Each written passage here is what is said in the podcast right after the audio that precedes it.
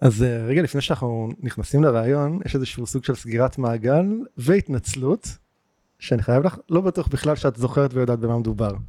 אוקיי. אבל, אבל ננסה, אוקיי? כן. אמ, אז אה, איפשהו בדצמבר 2007 התחלת להגיש את התוכנית בערוץ 10, אה, אולפן השבת, משהו כזה. כן, נכון. חדשות השבת. חדשות השבת. ומשהו כמו שבועיים קודם אני מקבל טלפון מההפקה שלך, ובעצם מזמינים אותי, רוצים לראיין אותי על הספר הסוד שיצא אז. אה, נכון, עשינו אז כתבה על הסוד. אותך? למה אותך? למה אותי? אני, אני הייתי אז סוג של פרזנטור של זה בארץ, הייתה היה לי שיתוף פעולה עם הוצאת כנרת זמורה שהוציאה את הספר, אתם התקשרתם אליהם והם הפנו אתכם אליי, אה, אוקיי. ושלחתם צוות עם ינון, ינון מיל, נכון, ינון ינון מילס. מקסים. המהמם. ממש, והגיעו אליי הביתה וראיינו והכל. עכשיו אני, זה היה ממש בתחילת הדרך שלי, ואני ת- תמים ונאיבי, ואני חייב להגיד שזה, כי תכף תביני למה. ואתם התקשרתם וקבעתם איתי ליום חמישי, וביום, אבל קבעתם בתחילת השבוע ויום חמישי הם הגיעו, ויום למחרת מתקשרים אליי מערוץ 2, וכי הייתה לי סדנה יום קודם, ואומרים אנחנו באים לצלם את הסדנה, גם על הסוד. סבבה. עכשיו, אף אחד לא ינון ולא הכתב השני, שי, שי גל, אף אחד לא דיבר איתי על בלעדיות, אף אחד לא שאל אותי פנו אליהם ממקומות אחרים, לא אמרו לי כלום. ואלה צילמו ואתם צילמתם ורצה... אבל עלו שתי כתבות במקביל? לא. אז אה, שי יותר גרוע, שי שידר בשישי בטח. שידר בשישי ושידר שבוע. קודם לפניכם. וואו, וואו, וואו, וואו. עכשיו עולות הכותרות של אולפן שישי רק הפרומו של ההתחלה את יודעת ואני מקבל טלפון מינון והוא אומר לי מה עשית והוא כועס עליי ואני. אני אומר אבל אבל לא ידע כאילו לא בכלל לא חשבתי על העניין הזה של תחרות כאילו זה אתה צודק. כל, כל כך היה רחוק ממני. אתה יודע מה, אני אפילו זוכרת את הפוסט מורטם, אנחנו עושים אחרי כל תוכנית פוסט. מורטם, אני אפילו זוכרת שאמרתי לו, מותק, אתה אשם.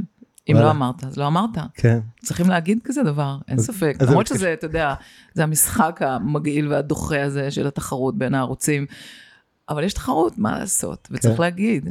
אין לך על מה להתנצל, אתה היית בסדר.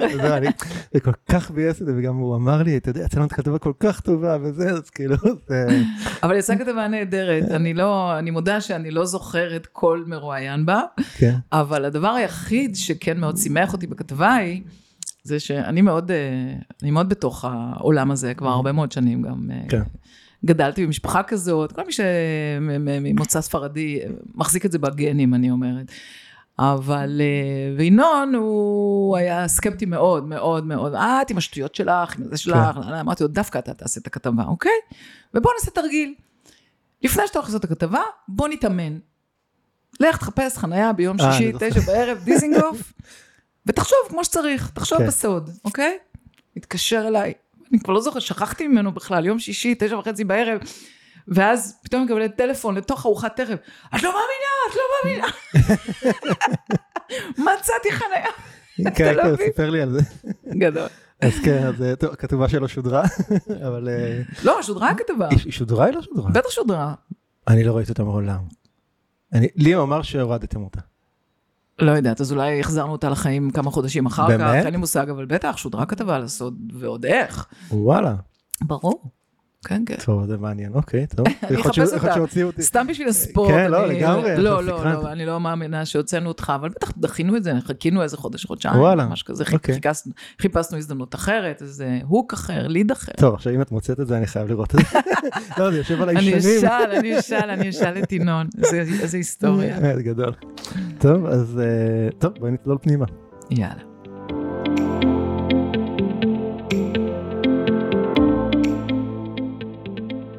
הדבר היחידי הקבוע הוא שינוי. ובכל זאת, אנשים רבים חוששים ונמנעים מלעשות שינויים בחייהם. השינוי מוציא אותנו מחוץ לאזורי הנוחות ואל עבר חוסר הוודאות שלרוב מפחיד אותנו מאוד.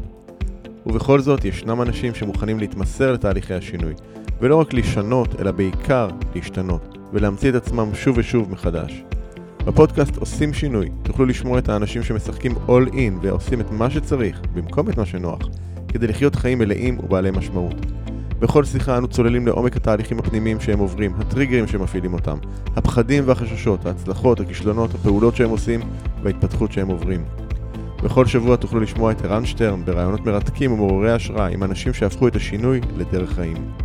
לפרקים נוספים בפודקאסט תיכנסו לאתר doingchange.co.il או חפשו עושים שינוי באפליקציות הפודקאסט המובילות iTunes, Spotify, Google Podcast ואחרות.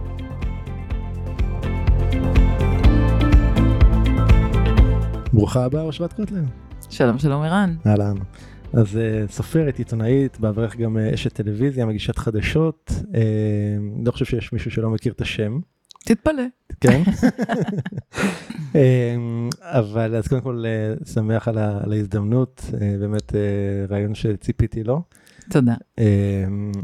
אמ, אגיד ככה, אני אחרי תקופה שמשהו כמו ארבעה חודשים לא הקלטתי פרקים, אז Mm. את כאילו הראשון אחרי ההפוגה הזאת, אז אה, ככה משמח.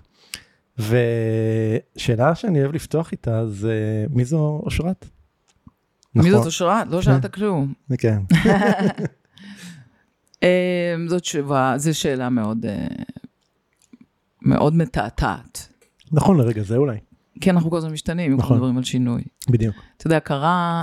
אה, שוב, כדי שלא יתחמק, כמו שעושים כן. כל הפוליטיקאים שראיינתי, אז, התשובה היא, אני לא יודעת להגיד לך בדיוק מי זאת אושרת. באמת, באמת. יש את אושרת קוטלר, ההיא מהטלוויזיה. אני יכולה להגיד עליך היא. הרבה דברים, אני יכולה להגיד לך עליה. אה, אבל זה מצחיק, כי רק אה, אתמול או שלשום, אני הכנתי איזו הרצאה שאני עומדת לעשות, לקיים הערב, על הפסיכולוגיה של הראיון, דרך אגב. ואז אה, יש לי ערוץ יוטיוב ארכיוני כזה, לא בשביל כלום, רק כדי לא לאבד את, ה, את הדברים שאהבתי, שעשיתי במהלך 30 שנות קריירה. ואז יצא שראיתי את עצמי, אה, מראיינת את יאסין, נניח, השייח' יאסין, אחד מהמם. הרעיונות היותר כן. אה, הישגיים וזכורים, והרבה הרבה דברים סביב הרעיון הזה, וראיתי את עצמי, יחד עם הבת שלי, ואז הייתי בת 30, אני חושבת. הסתכלתי על האישה הזאת, קוראים לה אושרת, נכון? כן, כתוב, אותו אושרת. קוטלר. היא גם מאוד דומה לי. אה, אבל זה בן אדם אחר. גדול. אז לענות לך ברצינות על השאלה מי זאת אושרת, לא יודעת. אה, אפשר להגיד הרבה דברים.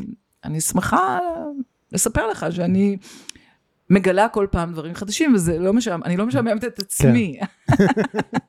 אז, אה, אז זאת התשובה. עכשיו, יש עוד איזה משפט נחמד, נחמד, משפט גאוני, שאמר אה, מורה הזן היפני, אחד הגדולים, אה, שקוראים לו הקווין, אה, שנים בתוך העולם הפילוסופי הזה, אני מאוד מאוד מאוד מתחברת לתורות המזרח, מיישמת אותן בחיי גם. והוא מכנה את איש האמת כאדם שאין לו איכויות ואין לו תארים. לא בגלל שאין בו כאלה, אלא בגלל שהוא משתנה כל הזמן, אז אתה לא יכול להגיד, Mm, עכשיו אני כזה, כן. ותמיד אהיה כזה. אני כל הזמן שונה. עכשיו, כשלמדתי את המשפט הזה, יש לפני 20 שנה, אמרתי, טוב, נו, מה זה השטויות האלה? אני יודעת מי אני. אה, האם אני משתנה? אה, בקצוות. חלפו 20 שנה, ואני מודיעה לך, זקנתי וגם חכמתי. אז אני לא ממש יודעת מי אני. אפילו מרגיז אותי שאנשים חושבים שהם יודעים מי אני, כי הם כמובן מכירים את הפרסונה. נכון. כן. אה, זהו. שורה תחתונה, לא, לא יודעת. אני לא יודעת, זה- זה- זה זה תשובה אבל, תשובה אבל, טובה. אבל, אה, אני חושבת שהדבר אולי שהכי מגדיר אותי, וזה יפתיע רבים ורבות, אני מניחה, זה שאושרת, בראש ובראשונה, היא אימא של דנה וניצן. Mm. זה הדבר הבסיסי והעיקרי ביותר ככה- ש... ככה את רואה שזה כאילו מגדיר אותך שמגדיר אותי, כן, Mm. כן. אם אני מחפשת הגדרה, אני אימא של דנה וניצן, ואם היית מכיר אותם, היית מבין, וואו, שאני די, די בסדר. אמ, לא, אני אהבתי אבל את התשובה של אני אני לא יודעת, כי אני יכול גם להתחבר מהמקום שלי, של הרבה שנים חשבתי שאני יודע. אז גם הייתה לי איזושהי פרסונה וגם והכל, ואני אני היום מבין שדווקא עדיף קצת פחות לדעת מאשר לדעת, כאילו ב, במקום הזה של האי ידיעה יכולים להיות תגליות מאוד מעניינות, לעומת אם אתה יודע משהו, אז כבר שום דבר חדש לא יצא שם. לגמרי, עוד משפט זן, הידיעה השלמה הוא המקום של הידיעה שאינה יודעת שהיא יודעת. כלומר, לשמור על תודעה נקייה, תודעה כן. של ילד, תודעה של תינוק, כן. שלומד להכיר את העולם כל יום מחדש.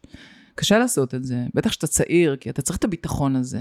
אתה צריך לייצר לעצמך את האגו, לא במובן הרע של המילה, במובן של מבנה האישיות, כדי להסתדר בעולם, כי אחרת אתה לא יכול להסתובב בעולם נטול הגדרה, לא כן. כשאתה בן 20, לא שאתה בן 30. רגע, הגדרה גם עושה לנו איזה סדר עבור עצמנו, כאילו. נכון, כן. אתה, אתה מסדר משהו.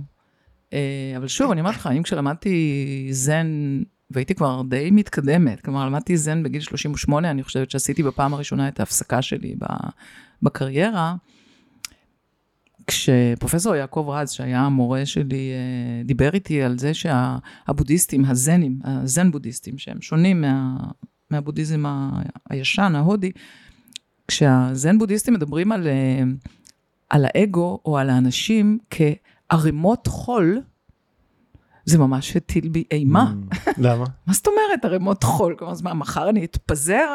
באמת, אתה צריך כן. איזשהו ביטחון, איזושהי הגדרה. תחשוב, מה, מה היה העולם בלי הגדרה? אם לא היינו קוראים לדבר הזה מיקרופון, מה, כן. הייתה לו משמעות? לא. כן. ויטקנשטיין, לא. העולם, אין שום, העולם, איך זה היה? אין, אין, אה, אין, אין עולם אה, מחוץ לשפה. לא, השפה זה מה שמגדיר. בדיוק, כן, זה הגדרה. אז כמו שאתה צריך, אז כמו. שאתה צריך מילים בשביל לסדר את העולם, אתה צריך לגבש איזושהי הבנה של מי אתה ומה מגדיר כן. אותך, ולזה קוראים אגו, כדי להתנהל בעולם. לא, זה ברור. אני חושב שהרבה פעמים ההגדרות שלנו, אבל הן יכולות להיות לפי באמת, כמו שאמרת, כמו זה, התארים שיש לי, נכון, או לפי משהו שהוא באמת יותר פנימי, שאני יותר שלם ומחובר אליו. נכון, זה שני, זה נכון. מקום אחר להיות בו. נכון. אז כן, אם אתה מגדיר את עצמך על פי תחומי העניין שלך, או כן. על פי הדברים שאתה אוהב לעשות, אז טוב, בוא נשב עכשיו שעתיים, נספר לך. בדיוק. יש המון. וזה מאוד שונה זה מזה. אז אמ, אני אגיד ככה שהרקע בעצם לפנייה שלי אלייך ולקיים את הרעיון הזה התחילה, אני כאילו מכיר אותך כמו מן הסתם עם ישראל, אבל אה, אני חושב שככה בתקופת הקורונה יותר התחלתי לקרוא אותך גם אה, ברשת, אה, התחלת לפרסם דברים, אה, בעיקר כל סביב אה, כל ההתנהלות של מה שהיה כאן, ואני לא, לא, לא אכנס כרגע לקורונה כי עשיתי לך שלא לא מזמן ראיון עם מתן חכימי ודיברת על זה באריכות, אז מי שלא הקשיב, לכו להקשיב שם, כן. זה אני חושב שבאמת אחד הפרקים היותר חשובים שיצאו בעיניי באחרונה. אמ, אבל אז, לפני כמה חודשים, ממש ממש ממש במקרה, נתקלתי בספר הראשון שלך. Mm, אמ, אוי, איך אני אוהבת אותו. סיפור שמוציא, סליחה שאני כן. מחמיאה לעצמי. אבל לא, אני באמת אוהבת אותו, כמו כן, ילד. הוא בן בכור. כן, לגמרי. ואת מספרת שם על, בעצם על התהליכים שעברת ועל משבר שחווית,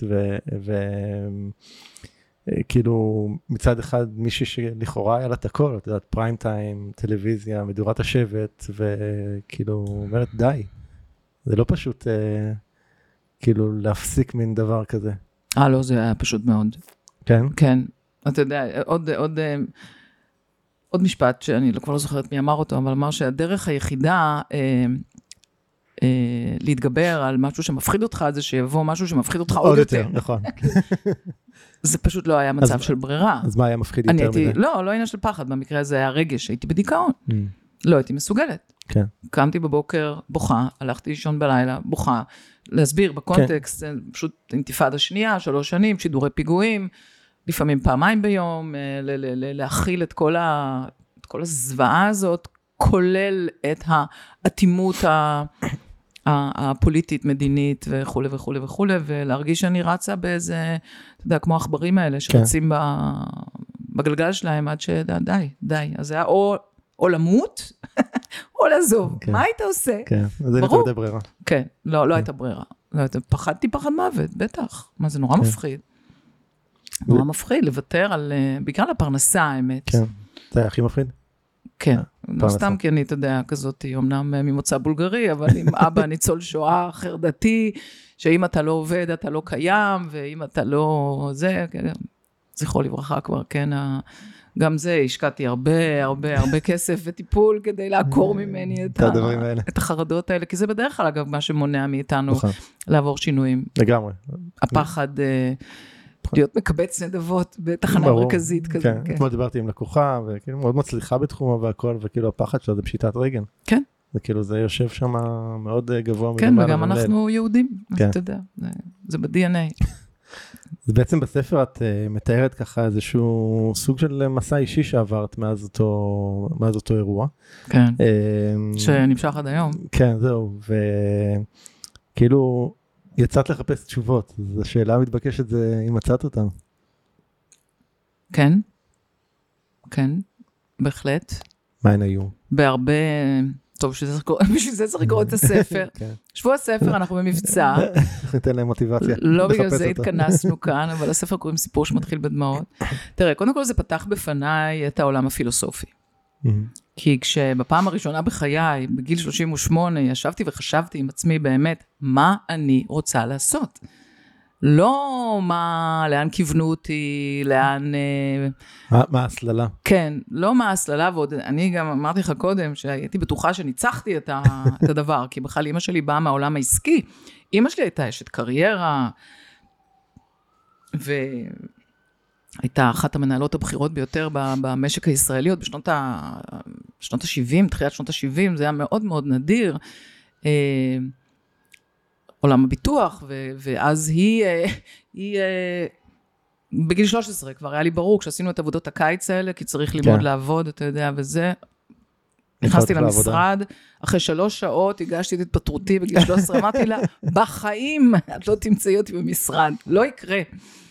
אז חשבתי שניצחתי את השיטה, לימים היא גם רצתה שאני אצטרף אליה כשותפה, ב- נו. בסוכנות החיתום שהייתה, לא, לא, לא, לא, לא.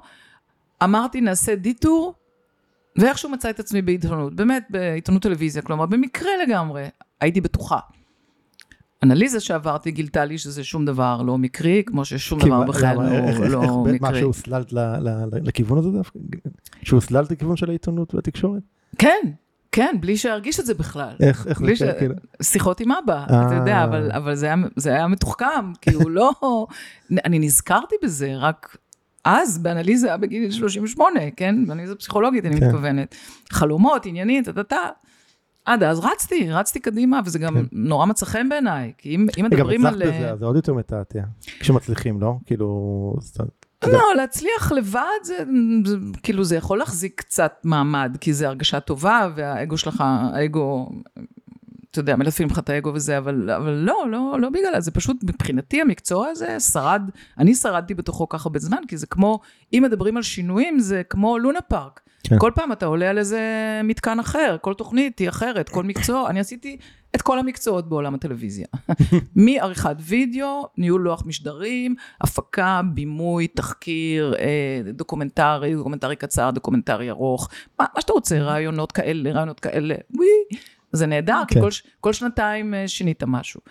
אבל בחזרה לשאלה, מה גיליתי? כאילו, מה הדבר נגיד הכי גיליתי- משמעותי? אה, ספינוזה וזן בודהיזם. שמה זה נותן לך בחיים ביום יום שלך? כאילו, מה זה אפשר? תשובה לשאלה איך צריך לחיות, מהי האתיקה הנכונה.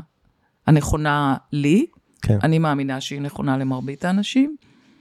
אני מלמדת את זה עד היום בסדנאות שלי, בסדנאות שאני מעבירה כרגע כאן בבית. אז אני לוקחת אנשים לתוך הפילוסופיה של ספינוזה, למשל, שהיא מאוד מאוד רלוונטית ופרקטית. מדהים, הוא כתב אותה לפני אה, 350 שנה. כן. אה, אין חדש לא- תחת- אין חדש תחת השמש, אה? אה, אני אגיד לך למה כן, מהמם. כי אני לא חושבת ש... ועכשיו בלי להעליב, באמת מישהו יעלב, אבל אני לא אה, פגשתי, בוא נאמר, במאה השנים האחרונות, הוגה דעות או אדם חכם בסדר גודל של הגאון הזה שנקרא ספינוזה, או של כל מורי הזן הגדולים ש, שציטטתי לך אותם עכשיו. אז, אה, אז יש חדש תחת השמש בזה שאף אחד לא מדבר ככה היום. מהמם. אנחנו חיים ב, ב, בחברה שמצד אחד ב, ברמת ההתפתחות הטכנולוגית שלה היא, אתה יודע, שוברת שיאים של, כן. כן. של מדע בדיוני שמתקיים בחיינו. מצד שני, אף אחד לא באמת אה, שואל שאלות לעומק. אף אחד. כן, אנחנו- ועכשיו בכלל אנחנו הולכים ל-AI, גיהנום. כלומר, הדרך של המין האנושיים להשמיד את עצמו, לשם? זאת הדרך. וזה לא שאני מתנגדת לקדמה, פשוט מה זה AI? זה בדיוק ההפך ממה שקרה לאנשים גאונים כמו ספינוזה, כמו איינשטיין, כמו, יש שורה, כן. שורה, שורה ארוכה של גאונים בעולם. תיגמר הגאונות. כי ה-AI אמר, אנחנו כאילו- נמחזר את מה שכבר כתוב נכון. ב-5,000 מקומות אחרים, וזהו, ונתעצל ונהיה. כן, יש בזה משהו מההיבט של השטחיות שאמרת קודם, כאילו במקום רגע להעמיק, אז אני יכול אה, לשאול את ה-chat GPT רגע שלוש שאלות והוא... גם שטחיות, גם זה מנוון את המוח. תחשוב, תחשוב מה קרה ליכולת ההתמצאות שלנו מאז שיש ווייז. כן. אגב, פעם אני- עשינו על זה, אני ממש דוגמה, פעם עשינו על זה תחקיר. אתה לא מאמן את השריר הזה שנקרא אה, לדעת איפה אתה נמצא במרחב, איפה צפון, איפה דרום. אתה על ה-Waze, אין לך, לפעמים אתה נוסע, ואתה לא יודע איפה אתה בכלל. נכון. אז הנה אה, מיומנות אחת שרבים מאיתנו איבדו. תחשוב מה קורה כשאתה לא תצטרך לחשוב יותר, כי ה-AI יחשוב בשבילך. פשוט, אם ככה אנחנו לא שיא האינטליגנציה, אז בכלל, נגמר הסיפור. אפשר לסגור את הבסטה, ולא יודע. כן, זה כאילו כל האפוקליפסות שהיינו כן, רואים כן. בסרטי סרטי המדע הבדיוניים, כאילו. מתחילות להתממש כאן. אמ, קראתי שהספר הזה הראשון שלך בעצם לא, בכלל לא תכננת להוציא אותו כספר, הוא היה יומן, סוג של יומן כזה שלך? לא בדיוק יומן, מה שקרה זה שאני בזמנו הלכתי ללמוד את מה שבאמת עניין אותי בחיים, שזה פילוסופיה, ואז אה, בניתי לעצמי מערכת שהורכבה מבאמת אה, ההוגים שרציתי ללמוד, גם פילוסופיה הודית, גם פילוסופיה יפנית, גם פילוסופיה יהודית, גם ספינוזה, אה, גם אה, פסיכואנליזה, לקאן, ו, ו, ותוך כדי הלימודים, והלכתי ללמוד את זה לא לתואר. לא רציתי, די, דדליין, עבודות, כן. שמישהו יבחן אותי, תעזבו אותי. לא, לא רוצה לא מבחנים. תעודה להכיר. לא, לא, לא, מספיק, לא צריך. רציתי באמת ללמוד, ואז, אגב, זה, זה הנאה נהדרת ללמוד כשאתה לא צריך לעשות מבחנים. כן. אתה באמת לומד. וככל שהעמקתי בלימודיי, פתאום התחברו לי התשובות. אתה יודע, בעיתונות יש, אה, החוק הראשון של העיתונות זה מתי אתה מבין שידיעה היא נכונה ואתה יכול לפרסם אותה. כשיש הצלבה. כששני מקורות שונים שאין להם קשר אחד עם השני, אומרים את אותו דבר, ואין להם אינטרס משותף, אז הנה, יש לנו פה אמת. כשאני הבנתי ספינוזה, וזה מסובך מאוד להבין ספינוזה, אה, היה לי מורה נהדר, דוקטור יובל אה, גובני מאוניברסיטת תל אביב. כשאני הבנתי ספינוזה, אחרי שנה, ספר אחד, כשאני הבנתי זן בודהיזם, וכשאני הבנתי נניח אה, לקאן, שהיה תלמיד של פרויד, והייתי בעצמי באנליזה, נקודות התחברו? מה זה נקודות התחברו? זה כמו, אתה יודע, היפנים אה, קוראים לזה רגע של סאטורי, של הערה. הם מספיק חכמים להבין שהרגע הזה חולף. כן. כן? זה לא נשאר. כן, אין כזה. דבר, זה לעולם אנחנו לא, נש... לא נהיה בודה, כנראה. מעניין אם הבודה באמת היה בודה, אבל לא משנה, בואו לא נכפור. לא, לא נהרוס את המיתוס עכשיו. כן, לא נהרוס את המיתוס. אבל, אבל היה יותר מרגע. היו חודשים של אמרתי, טוב, אני חייבת אה, לכתוב את זה. אם הייתה לי מצלמה, הייתי פותחת מצלמה, שמה אותה בראש, ויאללה, עכשיו אה, יש לי את זה כדי לתעד. אז כתבתי בשבילי כדי לזכור. Mm, אבל לא רציתי לכתוב תזה אקדמית, כן. זה משעמם. יש לזה גם חוקים כאלה, נכון. לא אוהבת. אז אמרתי, שוב, לכתוב שוב, זה לעצמי... לכתוב בלי מטרה גם. כן, לכתוב לעצמי סיפור, כדי שיעניין אותי, ואחרי שאני אשים את כל התובנות שלי, כי בניתי תזה בעצם, כן עשיתי את החיבור בין ספינולה, ספינוזה, סליחה, לזן בודהיזם ולאנליזה, ומצאתי את, הח, את, ה, את החוט המקשר, יותר מחוט אחד, גם את החוט המקשר וגם את השונה ביניהם. ובסוף זה, זה, זה התמזגות של הרעיון, המחשבה של המזרח והמחשבה של המערב, ואיך אנחנו יכולים לקחת את שתי תפיסות העולם האלה, לשלב ביניהם באופן פרקטי, ולהיות הרבה יותר מרוצים מהחיים. בחיים. ו- וזה היה כל כך חזק, שאמרתי, טוב, קודם כל אני צריכה לשים את זה שאני לא אשכח. אז מה גרם לך בסוף להוציא אותו לאור? אה, כי פגשתי איזה חבר, עורך בהוצאת ספרים קטנה, שהיה אמיר רותם, אני חייבת לתת לו קרדיט, כי אלמלא אמיר רותם, הספר הזה היה כנראה קבור בהארד דיסק עד היום. ו... ואז הייתי אחרי שנה של הפסקה, ושהוא שאל לו למעשיי, וזה וזה וזה, סיפר לי שהוא בדיוק עובד באיזו הוצאה לאור, שמפרסמת אה, ספרים אוטוביוגרפיים של אה, עיתונאים. Mm, במקרה, כן. אמרתי לו, אוקיי, רוצה לקרוא? לא יודעת אם זה ספר, כתבתי משהו. חזר אליי אחרי שלושה ימים ואמר לי, מפגרת, יש לך פה ספר. סליחה, בלי להעליב מפגרים. כן. טמבלית, כאילו, תפרסמי. אה, לקח לי עוד הרבה זמן להתלבט, כי זה היה ספר מאוד מאוד... אה, די חשוף, יש בו גם מאוד חושף, כן. מאוד חושפני. אה, ואני לא מצטערת על זה. כלומר, זה היה עוד שיעור מאוד מאוד חשוב, מה היתרונות הגדולים של להתגבר על הפחד. Mm, אין לתאר. עד היום אנשים כותבים לי על הספר הזה שהוא שינה את חייהם. כן. בהתחלה נורא נבהלתי מזה, היום אני ממש גאה. זה אחריות. ממש, כן. כן. ואחד הדברים שאת אה, שם מתארת זה איזשהו איזשהו דיאלוג פנימי, לא, לא רק פנימי, אבל איזושהי שיחה שלך של כאילו לא רוצה להיות פה יותר. כאילו, כאילו כל מה שקרה בארץ וכל זה, כאילו, במקום כזה של רוצה להיות במקום אחר. כן, וסתם מעניין איפה את היום מול זה. כן. אה, היום אני במקום שאני משלבת. אני גם וגם. Mm, אני גם פה ואני גם לא פה. בניתי לעצמי חיים כאלה. כן.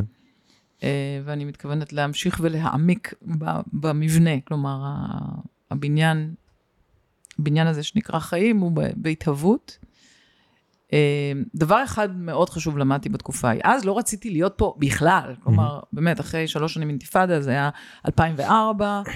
כל מה שיכולתי לחשוב ולהגיד לעצמי זה, באמא שלכם, תעזבו אותי כולכם משוגעים, לכו, לכו מפה. אני, כלומר, אני אלך. לא, אתם תישארו, אני אלך. כן. הכל בסדר. לא הסתייע. מי שיקרא את הספר יבין גם למה. זה הכריח אותי להבין עוד משפט חכם, וסליחה שאני מצטטת כל הזמן אה, מורים בודהיסטים, אני בטוחה שביהדות גם יש, אבל לא מצאתי, לא למדתי מספיק כנראה. והוא אומר, ככה גם, מורה שנקרא דוגן, אה, דוגן זנג'י, אם תלך לחפש, אם תחפש את האמת במקום אחר, היא תלך ותתרחק ממך. Mm, כן. אוקיי? זה גם ה- ה- המשפט שבחרתי אה, לפתוח בו את הספר הזה, כ, כן. אתה יודע, כמחווה ל- לרעיונות גדולים.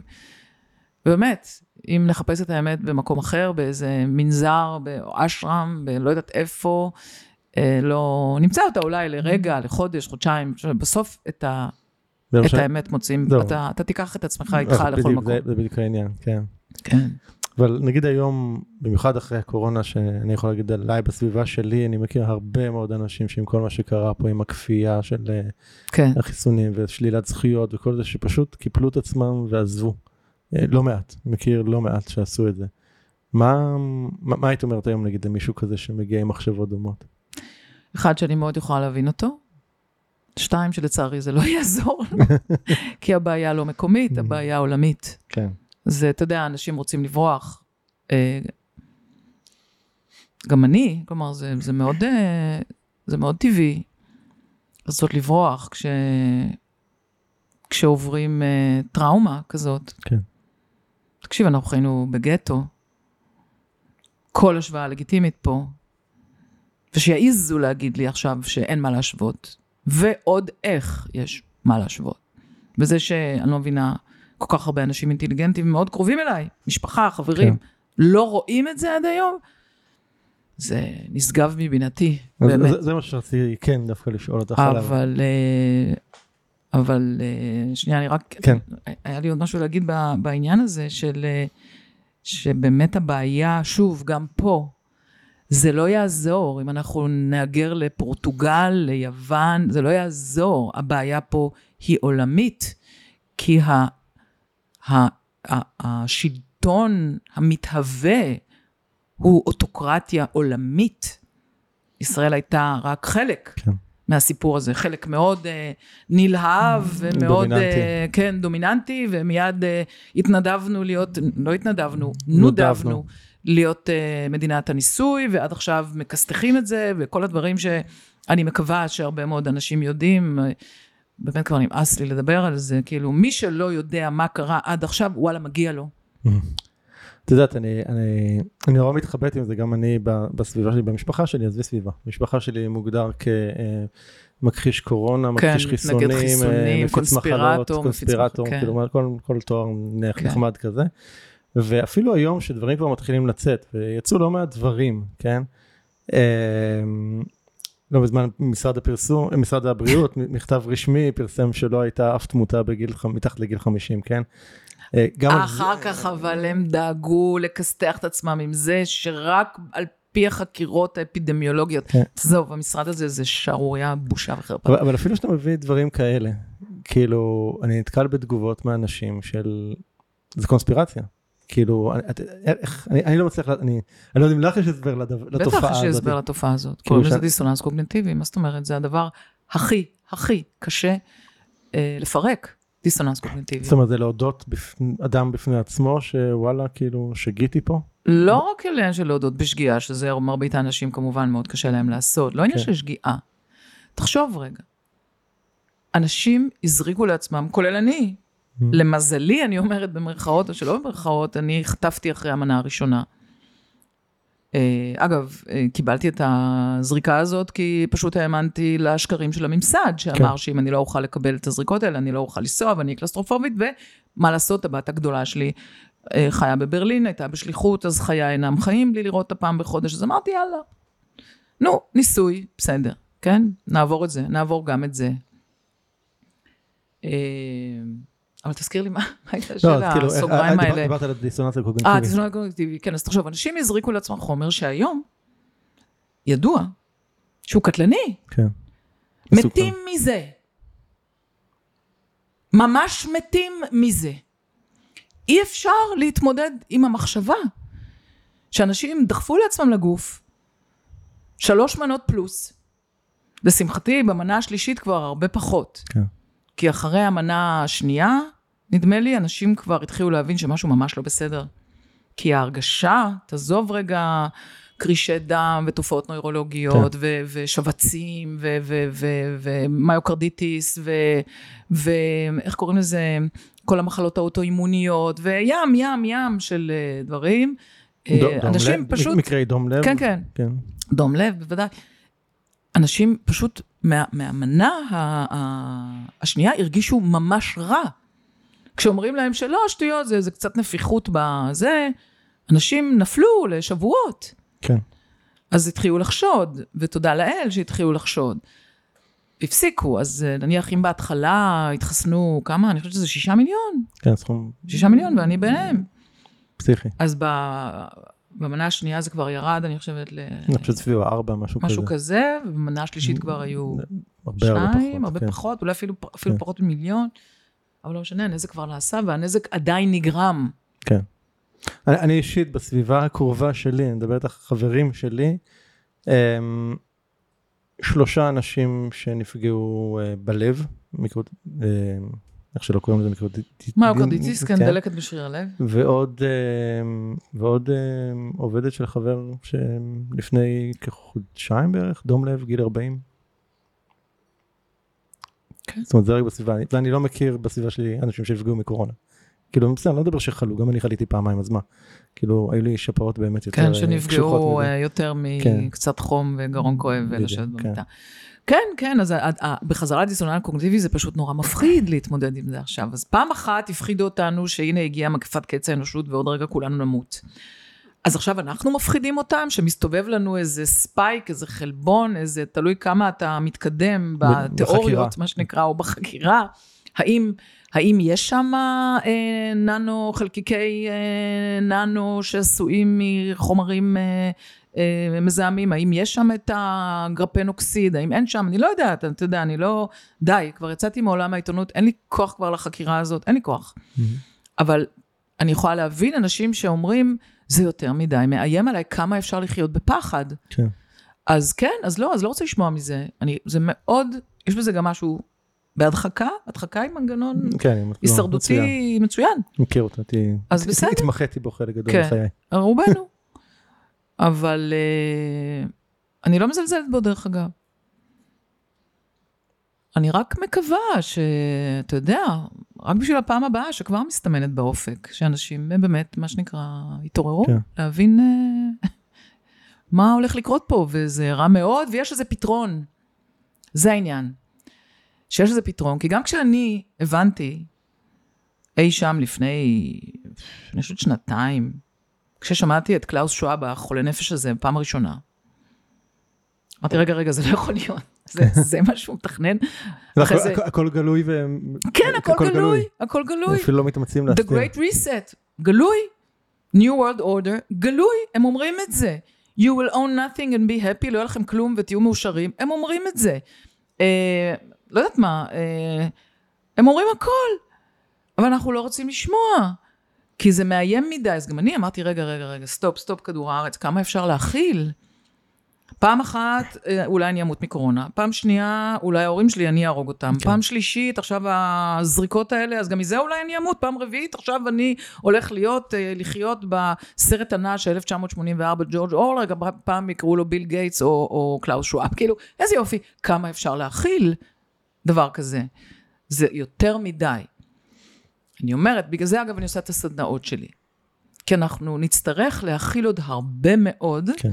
והדרך היחידה להתמודד עם זה, זה לפתח בעצמנו את העוגן הפנימי, את העוצמה הפנימית, את ההבנה שרק אנחנו, אך ורק אנחנו אחראים לגורלנו, לא אף אחד אחר, ושיתכבדו כל המיליארדרים של העולם, פשוט צריך להגיד לא. ולא משנה מה המחיר. תשבו בבית, נשב בבית, סבבה. אבל לא. לא נעשה את מה שאתם אומרים. יש לנו כוח עצום. צריך לדעת, שלם את המחיר כן. עבורו. ויש לזה פתרון. יש לזה פתרון. אנשים צריכים להבין שיש לזה פתרון. אבל זה כן, זה מפחיד.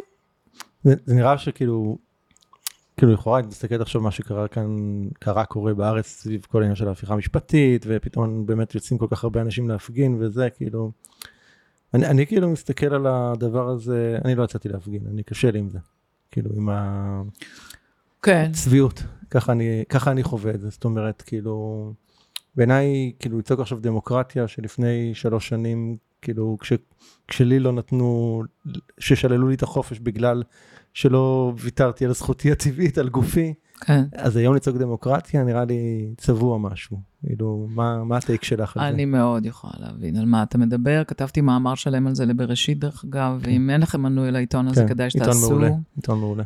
אמ, אז גם שם אני כבר לא כותבת הרבה, כי די. אני מנסה לכתוב עוד ספר, דרך אגב, אז זה לא מסתדר ביחד.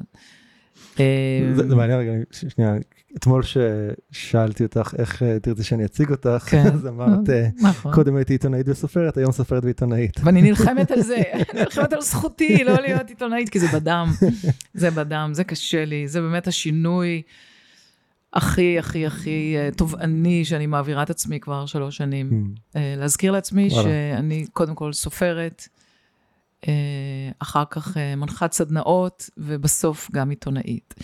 כי מה לעשות, 30 שנה אני יודעת יותר מדי, כן. באמת יותר מדי.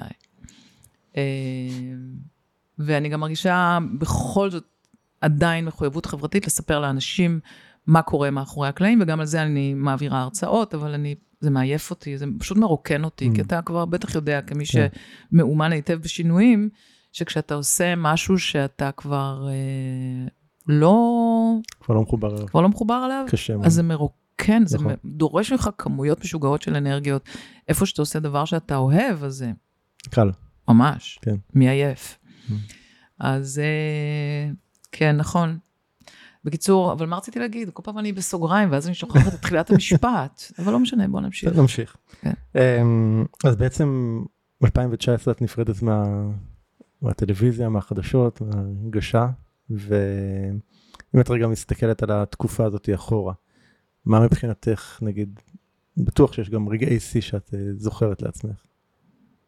יש הרבה, הרבה, כן. רוב הזמן היה, לא רק רגעי שיא, אמרתי לך, אני הייתי בלונה פארק. באמת, לא, לא במובן, לא במובן של התייחסתי לעבודה שלי כאל משחק, ממש לא, הייתי מאוד, אה, מאוד רצינית בעבודתי, אני בכלל בחורה רצינית, יש שיאמרו רצינית מדי. אבל לונה פארק במובן הזה של עבודה מאוד מגוונת, שאפשרה לי בעיקר ללמוד הרבה. באמת, אם אתה מדבר על שינוי, תחשוב, זה... אין יום שדומה ליום שלמחרת. כן. למרות שזה קצת מתעתע, כי אחרי 20 שנה את מבינה, בעיקר במדינת ישראל, שאת רצה באותו סרט.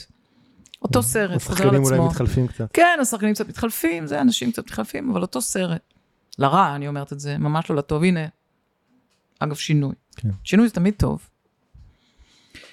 אה, רגעי שיא, או-אה, בוא, איפה נתחיל? טוב, הזכרנו קודם את יאסין, ברור, זה באמת הייתה חוויה מטורפת. כי מה מה היה שם מבחינתך? קודם כל נכנסתי ללב המפעיליה, הייתי בצנטרום של, של ארגון הטרור הרצחני שאז uh, הוציא פיגועים נגד ישראלים, באותה תקופה. אני אני לא אשאל אם לא פחדת, די ברור ברור שכן, שפחדתי. כן, אז- רק השאלה היא עד כמה. כנראה ש... שלא מספיק. כנראה, לא, כנראה שלא במידה ש... שתעצור. שתעצור אותי מלהשיג את הרעיון, ה... לממש את הרעיון המאוד מאוד הישגי הזה. כן. אה, אבל לא, אתה יודע מה, לא, לא פח... עכשיו אני חושבת על זה, קודם כל כשצעירים וטיפשים לא מפחדים מספיק. אני חושבת שעוד לא היו לי ילדות אז, Mm. אז בכלל אתה מתנהל אחרת מול העולם. אה, נורא הסתקרנתי. לפגוש אותו, לפגוש את הדימון, כן. אה, להיות שם. מה- ומה מה ראית? וגם, מ- אה, מעבר לחוויה הטלוויזיונית. ולימדה אותי, אתה יודע, וליוו אותנו, בכל זאת, המשטרה הפלסטינית, זה היה מצחיק. היינו ניידת שידור, ו- וגם היו לי, לא, מאבטחים לא הרשו לנו להכניס, אבל המשטרה הפלסטינית עשו, כ- אנשיו של ערפאת, כן, וואלה. עשו כמיטב יכולתם כדי לתת לנו הרגשה נוחה, וזה, ולא, בסך הכל, כנראה הדחקה רצינית מאוד הייתה שם, כי לא פחדתי מספיק, אין, אין ספק. וכשאת פוגשת את האיש הזה, מה, מעבר לעניין הטלוויזיוני, או זה כאילו ברמה, סתם האישית שלך, כאילו מה מה את רואה שם? אה, משהו מאוד אה, לא נגיש. Mm. אה, אתה יודע, בדרך כלל אתה מתקשר עם אנשים דרך העיניים. לא את התקשורת. סיפרתי לך קודם שאני חושבת שבמהלך 30 שנות קריירה שלי ראיינתי משהו כמו, בהערכה לא מדויקת, בין 27 ל-30 אלף איש. מטורף. העיניים זה הדבר הראשון שאתה אתה עובד איתו. לא, והשפה, כמובן. עכשיו, הייתה מגבלה לשפה, ישבו איתי אהרון ברנע וסלימאן השאפי, שניהם מדברים ערבית רהוטה, הלוואי Mm. והייתי יכולה לדבר ערבית כמותם. אני דיברתי איתו בעברית, והוא ענה לי בערבית, ושנינו היינו עם תרגום סימולטני, אז, אז זה קשה, כן. קשה להתחבר. לעומת זאת, עשיתי רעיון כזה גם עם מיכאל גורבצ'וב, נשיא אה, ברית המועצות לשעבר, ושם לא הייתה שום בעיה, כלומר, היה רעיון כי העיניים שלו, הוא היה בן אדם, היה, אוקיי. ב- אתה, אתה מזהה את הנשמה. לא, אתה יודע מה? לא הייתה שם נשמה. וואו. ואני לא אומרת את זה בגלל שהוא היה ארכי טרוריסט וזה וזה, לא. אני באמת באתי, אה, ב, ב, אז הייתי הרבה יותר שמאל על המפה הפוליטית, כן, אני כבר מזמן לא. אה, למגינת ליבם של כל הימנים שמקללים אותי שאני שמאלנית לא רלוונטית, אז לא, אני כבר לא. אבל אז הייתי, וכולם אמרו כמה שהוא התמתן, והוא מנהיג רוחני, וכמה שהוא מתון, ואני כל הזמן חיפשתי את המתינות הזאת, לא מצא. ולא מצאתי. Mm. ממש לא. אה, אז זה מה שאני זוכרת, כאילו, אין, אין, אין, אה, יש מסך. זה לא שהיו לו עיניים רעות, לא. אבל יש מסך, אתה לא יכולת להתבונן, כשהתבוננת בו, לא יכולת להתבונן ולראות את הנשמה שלו, היה, היה מסך. אין לי דרך טובה יותר להסביר את זה. אז היה יאסין, ואגב, להבדיל, מי שעמד לידו, שומר הראש שלו באותם ימים, היה גבר חתיך להפליא, שממש לא, לא יכולתי להסתכל, לא יכולתי להפסיק להסתכל בעיניו הכחולות, והיו לו פנים טובות, נאות, הוא קצת הזכיר לי את אבא שלי. אפילו, וקראו לו אסמאעיל הנייה, כן, שלימים היה חמאס. והוא דווקא היו לו עיניים טובות. אתה יודע, זה מדהים, מדהים, כי אתה מצפה כן. שלאנשים כאלה לא היו עיניים טובות, היו לו עיניים טובות. הרגשתי מאוד בטוחה במחיצתו, מה... אה, אז עוד רגעים, אה, כמו הזכרתי את גורבצ'וב, והזכרתי את, אה, היה לי מפגש מרתק עם הנרי קיסינג'ר, מזכיר המדינה האמריקאי, ובן אדם שלמדתי עליו בספרים, כלומר, כן. זה שיכולתי בעבודתי לגעת באנשים שעשו היסטוריה ועיצבו את ההיסטוריה, זה באמת מתנה שאני אקח אותה לא, את לא. מתגעגעת לזה? לא, לא, לא, לא היית חוזרת. לא, די. לא, לא, לא הייתי חוזרת, לשמחתי יש הצעות, כבר פחות ופחות, כאילו בשלוש שנים האלה קיבלתי בממוצע שתי הצעות בשנה, עכשיו הם כבר הבינו. כן. אה, שאת- לא, לא. שאת רצינית. לא, אני גם, האמת, האמת, אני כועסת עליהם. שמה? הם מעלו בתפקידם, התקשורת. כן. בהקשר של הקורונה. בטח. כן. וגם עכשיו, לא רק כן, בהקשר של הקורונה, נכון. גם בהקשר של סדר העולמי החדש. כן. לא, לא, זה פשוט, זה פשוט נורא. נורא. אתה לא מבין כמה זה נורא. כמי שחושבת שעיתונות זה, זה הדבר, אחד הדברים הכי חשובים לחברה בריאה, זה עיתונות חופשית, מקצועית ואמיצה. ואין אין- היום, אין- לא, אין לא עיתונות חופשית, לא בריאה ובטח לא אמיצה. וזה ש- קטסטרופה. שזה נובע ממה? מניגודי אינטרסים? טוב, זה בוא כן. נחזור לשיחה עם מתן חכימי, בסדר? לא, כי לא, לא באמת. ניכנס לזה, אבל... אבל זה, לא, יש לזה המון סיבות, יש לזה המון סיבות. אה, נתחיל בזה שבאמת אין בתי ספר טובים לעיתונות. אה, סתם, אתן לך דוגמה קטנה. כשאני התחלתי לעבוד בטלוויזיה, אז לימדו אותי שדיווח בעיתונות זה קודם כל, מה שנקרא באנגלית, eye-witness news. מה שאני רואה, אני מדווח. מה שאני רואה, אני מדווחת. זו, רק מה שאני רואה, הוא תקף. או שיש לך שני מקורות שהם מוצלבים וזה. בעידן של המהפכה המזעזעת של הפייסבוק והרשתות החברתיות, כן? ומהירות התגובה שבה נדרש מכלי התקשורת להגיב. אה, להגיב, זרקו את הדבר הזה לפח. עכשיו, אני, אני רואה כתבים צעירים, עוד כשאני הייתי ב... רק לפני שלוש שנים עזבתי, לא משנה, אבל זה, זה משהו שהתחיל כבר לפני עשר שנים. כשכתבים אין להם זמן להיות בשטח ולראות מה קורה, אלא הם שולחים את הצלם או את המקליט, או אפילו מדברים עם הדובר. למה הגענו לקטסטרופה הזאת של, של, של דיסאינפורמציה ממסדית? כי הכתבים התרגלו לעבוד עם הודעות דובר. מה זה הודעות דובר? כן. מה זה השטויות האלה? אני צריך לא- ללכת לא לראות. לא בודקים לא את בודקים. העובדות? לא בודקים. הרבה פעמים. טוב, בואו לא נעשה הכללה, כן. זה לא מאה אחוז. עוד יש כמה דינוזאורים, לשמחתי, אבל- שנמצאים שם, וכן בודקים, וכן עושים עבודה טובה, אבל הרוב, אבל יש פה ו- גם אלמנטים של השתקה לדעתי. גם, ברור, בוודאי, לא, בקורונה זה הגיע למפלצתיות, בוודאי, השתקה, השתקה, ש... תראה, אני לא הייתי שם מאחורי הקלעים בשלוש שנים האחרונות, אני כן הייתי שם מאחורי הקלעים לפני שלוש שנים, וראיתי, זאת אחת הסיבות שגם עזבתי, כן? כי ברגע שהבנתי שיושב ראש אה, דירקטוריון אה, הערוץ, שהוא אה, הנציג של בעל ההון, מזמן עיתונאים כדי להגיד להם מה מצופה מהם, וזה הכל כמובן רק רייטינג, רייטינג, כן. רייטינג, כן? אבל מה מצופה מהם כדי להביא רייטינג, ובעצם אתה אומר מה מצופה מהם מבחינה תוכניתית, וזאת עבירה על החוק, ואף אחד לא מצייץ או אומר שזו עבירה על החוק, אז מה יש לחפש שם? כן. לא אז ולא היום. תשנו את זה. תתחילו למלא את החוקים, נחשוב, גם לא בטוח. די, מיציתי 30 אלף איש, זה הרבה אנשים לדבר איתם. כש- כשעוקבים אבל אחרי הקריירה שלך, אז יש לא מעט אירועים שלא נמנעת מלהביע את אה, דעתך. כן. וזה עורר הרבה, לא מעט גלים, כאילו העניין הזה. אה, זה כאילו, כאילו שלא לא היית מוכן לעשות את ההפרדה רגע בין כאילו הדרישה של ממלכתיות לבין באמת דעתך האישית על, ה, על מה שבאמת קורה. זה היה מול אלכס גלעדי, זה היה בפרשה של אה, נצח יהודה של החיילים שהתעללו, זה היה כן. אייל גולן, אורן חזן, היו הרבה, לא מעט אה, כן, כן, אמר. כשחזרתי לטלוויזיה בסיבוב השני שלי, לא בסיבוב, בש- עד, עד 2004 הייתי מאוד ממלכתית. מהמם. כשחזרתי ב-2007, אני חושבת, אז באמת עם התוכנית ההיא בערוץ 10, עוד לפני כן הדוקומנטרי ב-2006, אבל כשחזרתי ל... ל... לאקטואליה, זה היה תנאי מוקדם לחזרתי, מהמם. כי אמרתי, אני, אנשים בארץ מתבלבלים לחשוב שעיתונות טובה זו ממלכתיות. זה ממש לא. מה שאנחנו קיבלנו בשלוש שנים האלה זה ממלכתיות. כן. זה אסון. חובתו של עיתונאי, וזה רק מי שלמד עיתונות, כמו שאמרתי לך, לא מלמדים עיתונות. רק מי שלמד עיתונות מבין. לעיתונאי יש כמה משימות. באתיקה של העיתונות, יש חוקים לעיתונאים, זה נשמע מופרך, אבל במקצוע הזה, ה- ה- הולך ונכחד, שנקרא עיתונות, יש חוקים. אתה באמת פעם אחת צריך לדווח, נכון? אתה צריך לפרש, כלומר להסביר, כמובן על פי ראות עיניך, אבל על פי מיטב הבנתך, מה קורה, זה נקרא פרשנות, news analysis, ויש views, יש עמדה. עיתונאי ללא עמדה הוא לא עיתונאי טוב.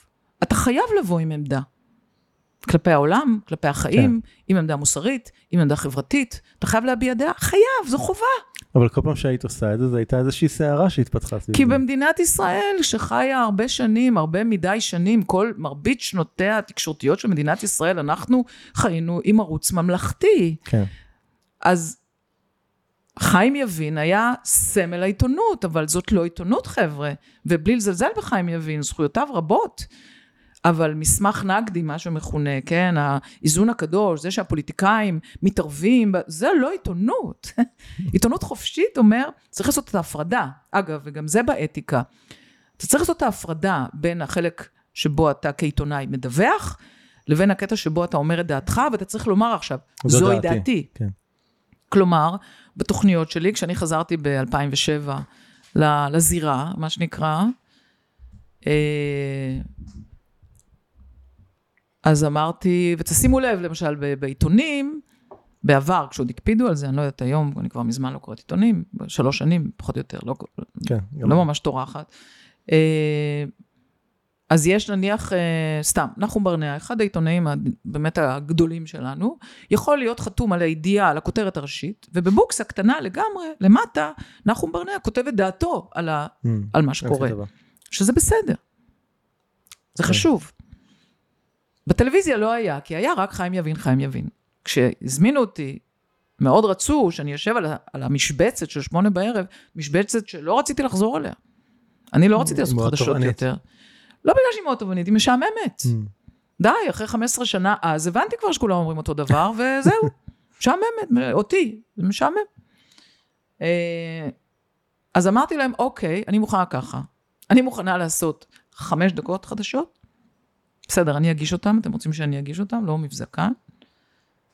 אבל לפני החדשות, בבוקסה, אני קוראת לזה במרכאות נפרדת, אנחנו נעשה טור דעה שלי, אחר כך תתחיל התוכנית, חמש דקות חדשות, ואחר כך מגזין שהוא כולו custom made, מגזין שאני, מעניין אותי לראות בשבילי, וזה לא יהיה מגזין חדשותי. כן. Uh, במגזין של שבת, שמהר מאוד גם שינינו את שמו למגזין, לא היו חדשות, אלא אם כן באמת נפלנו על איזה מלחמה. Uh, היה חמש דקות מבזק, תדעו מה קורה, ואחר כך אתה יודע, רעיונות עם דניאל כהנמן, אה, כל מיני, אה, כל מיני, כן. מה, במיטב מוחי הקודח ומוחם של הצוות המצוין, וכתבות על הסוד, מה, כן. הסוד זה אקטואליה, ממתי? אחת הכתבות שלך שאני מאוד זוכר. כן. אוקיי? סתם מעניין אותי, רוצה לנחש את זה? אין לך מושג, עשית מלא. לא. אה, עם נאדר בוטו. אה. ו... חבר יקר. ובעצם נכנסת אליו, התחלת איזה סוג של טיפול והכל מצולם, ובאיזשהו שלב את זורקת את הצוות צילום החוצה. כן, עשיתי את זה גם אצל ניסים המון. טוב, אין ברירה. כן, לא, מצלמות זה מפריע, ממש. כן. אצל ניסים עשיתי את זה כשהבנתי שקורה לי משהו. אז עם כל הכבוד לזכות הציבור לדעת, אה, כן. רציתי אה, גם להבין מה קורה בעצמי, ועם מצלמה אתה לעולם תהיה בוא. דואלי, מפוצל, עם איזשהו לא, מג... לשמור על עצמך. הגנה, כן. כן. אה, ועם נאדר לא עצרתי, אי אפשר היה לעצור שום דבר, אני הייתי ב... לא, את הצילום עצרת, כאילו, מה זאת אומרת לא, לא עצרת? לא, לא. הטיפול צולם כולו. הטיפול אוקיי. שעברתי אצל נאדר. אני ממש זוכר קטע שאמרת, אל תצלמו יותר. כאילו... זה היה אחרי שהכל נגמר.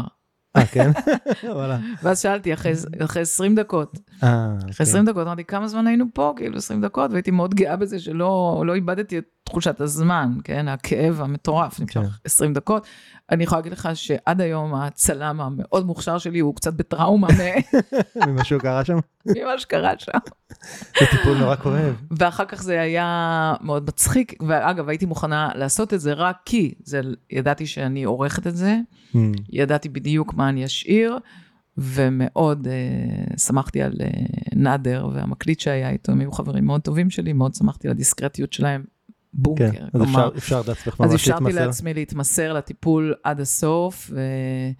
אבל אז גם נתתי את זה בחדר עריכה, היום הרי הכל ממוחשב, כולם רואים הכל, כן. כל המערכת, אז גם בחרתי את העורך היחיד שאני... שזה מוכנה ש... מוכנה שיראה אותי בזה. ואז חסמנו את הגישה לחומר הזה, לקחנו את מה שאנחנו צריכים לקחת, טשטשנו את כל מה שצריך לטשטש, ופחות או יותר מ-20 דקות נשארה דקה. ומחקנו את החומר גלם, וזהו, הושמד. זה קיים רק בזיכרון שלך ושל נאדר כנראה. כן, כן. ושל איזה צלם ומקליט שעוד לא התאוששו מזה כנראה, כן. אמ, באיזה שלב אה, הפסיק לעניין אותך מה אחרים חושבים עלייך? האם הפסיקו? אני מתרשם שכן באיזשהו שלב, אבל... כן. אה, זה תהליך. אני לא יכולה... תראה, קודם כל נ- נסייג ונאמר, זה לא, זה לא, זה לא אפס או מאה כזה. כן, זה לא 0 או 100, אבל בסקאלה שבין 0 ל-100, אני חושבת שאני עומדת היום על 5 אחוז. כאילו, חמישה אחוז שמעניין. שאכפת לי אה. מה חושבים כן, עליי. אוקיי. אה, כי זה לא, אתה לא, אנחנו, אנחנו בני אדם. כן.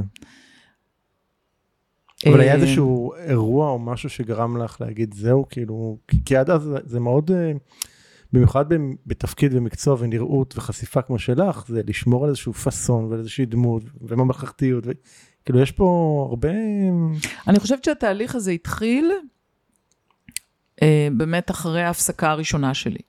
כלומר, כשעשיתי את השינוי הראשון ההוא, כן. ב-2004 עזבתי, חשבתי לתמיד, והלכתי ללמוד פילוסופיה וזה, ועברתי אנליזה וכל זה וזה וזה, חזרתי אחרת. בסוף חזרתי למסך, מהפחד הכלכלי, אך ורק. גם הציעו לי מלא כסף, זה היה נורא, ואתה יודע, אני אבא בולגרי, זה נורא, נורא. מציעים לך 70 אלף שקל בחודש, ואת תגידי, לא. כאילו, באמת, זה, זה, זה בושה. אז לא... טוב, אז עשיתי את זה. אז, אבל, אבל, אז, בפעם הראשונה, יכולתי לבוא אחרת, ולהציב את התנאים שלי, כמו שאמרתי לך קודם, אבל גם להגיד, אני מביאה עכשיו לא את הפרסונה, לא את, לא את איך זה עובר? הרי אנחנו הרי מציגים, אנחנו חיים מול מראות. כן. אנחנו מציגים את מה שנדמה לנו שאחרים רוצים, רוצים ש... לראות. רוצים לראות בנו. אז כשאני הגעתי לטלוויזיה כבחורה צעירה, בת 27, וידעתי שמצפים ממני להיות סוג של חיים יבין, סלאש ניסים משעל, סלאש כל, כל השמות הגדולים, אז שמתי על עצמי את החליפה הזאת, כי היה חשוב לי ואכפת לי מה יחשבו עליי. כשחזרתי ב-2007, כבר היה לי חשוב הרבה פחות מה יחשבו עליי, עדיין היה חשוב, אבל פחות. יותר היה חשוב לי להיות אותנטית, אמיתית, ולעשות את מה שאני אוהבת, לא את מה שמצופה ממני לאהוב. זה אפילו בא לידי ביטוי בלבוש. סירבתי ללבוש חליפות. אמרתי, די, אני לא בן אדם של חליפות. זה אני יכול להתחבר. אני לא הולכת עם חליפות, אני שונאת חליפות. מה חליפות עכשיו? אבל זה לכאורה הדבר המתבקש בהגשת חדשות. כן. אז אמרתי לו, אני אראה מספיק מכובדת גם בלי חליפה. הדבר השני, ואז עברתי, אני זוכרת, המלבישות שלי קיבלו דום לב, כאילו, אה, מה נעשה, איך יכול להיות חולצות, ואז כל המגישות עברו ל- ל- ל- לשדר עם אה, חולצות. כאילו יותר, לא קזואליות, כן. זה אף פעם, אני לא, לא אגיש עם טישרט, כמובן, זה צריך להיות ייצוגי, זה צריך להיות יפה, אבל זה חלק מהעניין. של אוקיי, עכשיו, שנייה, עד עכשיו אתם קבעתם את החוקים, עכשיו אני קובעת את החוקים. והחוקים שלי זה פעם אחת להגיד מה אני חושבת. לשמחתי, באותם שנים גם זכיתי לגיבוי. היום, כבר אין. היום אני לא יודעת אם אין לגמרי, אני באמת לא יודעת, אני לא אומרת את זה סתם. כן. אבל יש הרבה פחות. הרבה, הרבה, הרבה, הרבה פחות.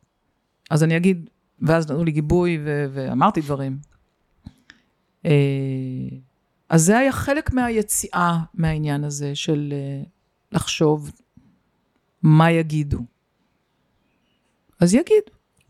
אה, ואיך זה, איך זה, ו- ואיכשהו עם השנים, וככל שבאמת, ככל, אני חושבת שככל שאדם שלם עם עצמו יותר, עושה יותר את מה שהוא אוהב, מוכן לקחת סיכונים ומקבל את העובדה שהעולם לעולם יהיה בלתי צפוי ולא בטוח, וגם לא, ש, ש, שגם לא משנה כמה נתאמץ, לא כולם יאהבו אותנו. לעולם. כן.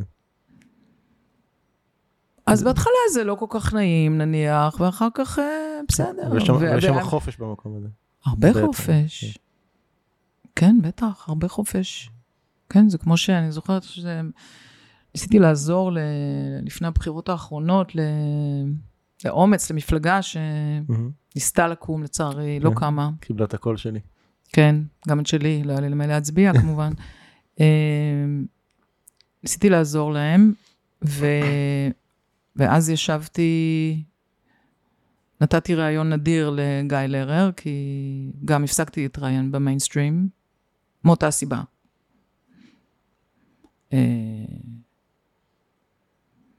אבל בכל זאת הלכתי כדי לעזור להם.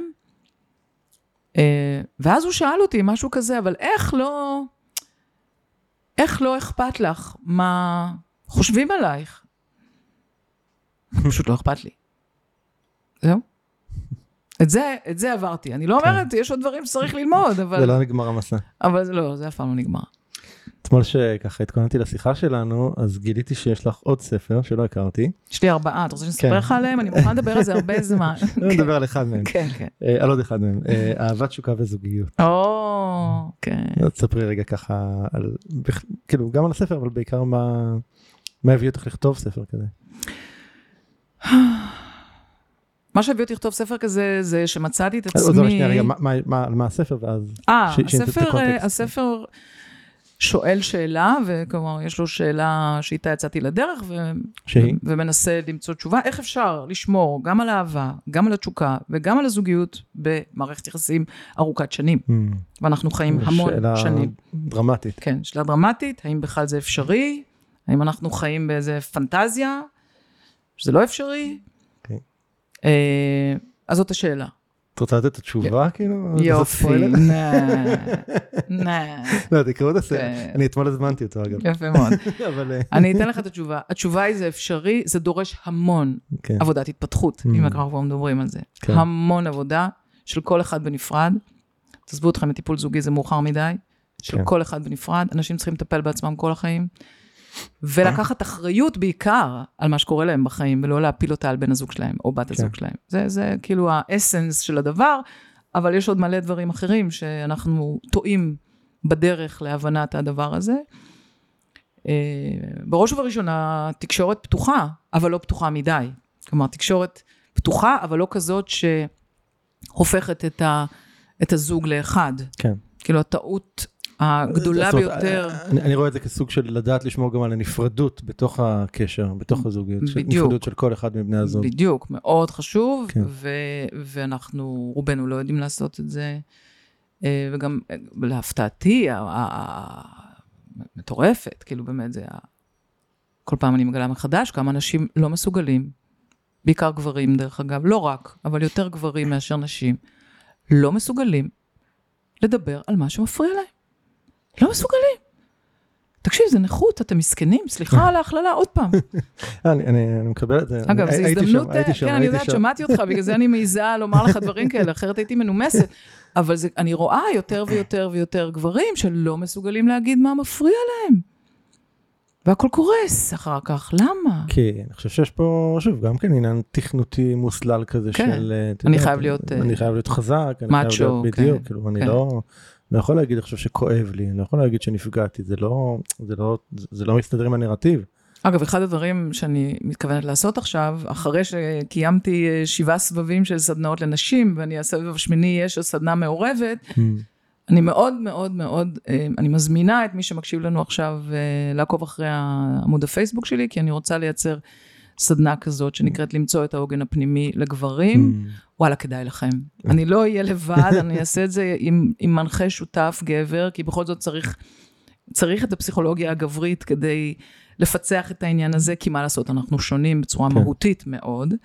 אה, אבל אני חושבת שהעולם יהיה מקום אה, הרבה יותר טוב פעם אחת, ופעם שנייה, ליחסים הזוגיים שלנו זה יעשה נהדר אם גברים ילמדו שלדבר את הרגש שלהם זה לא רק בסדר, זה, זה, זה הכרחי.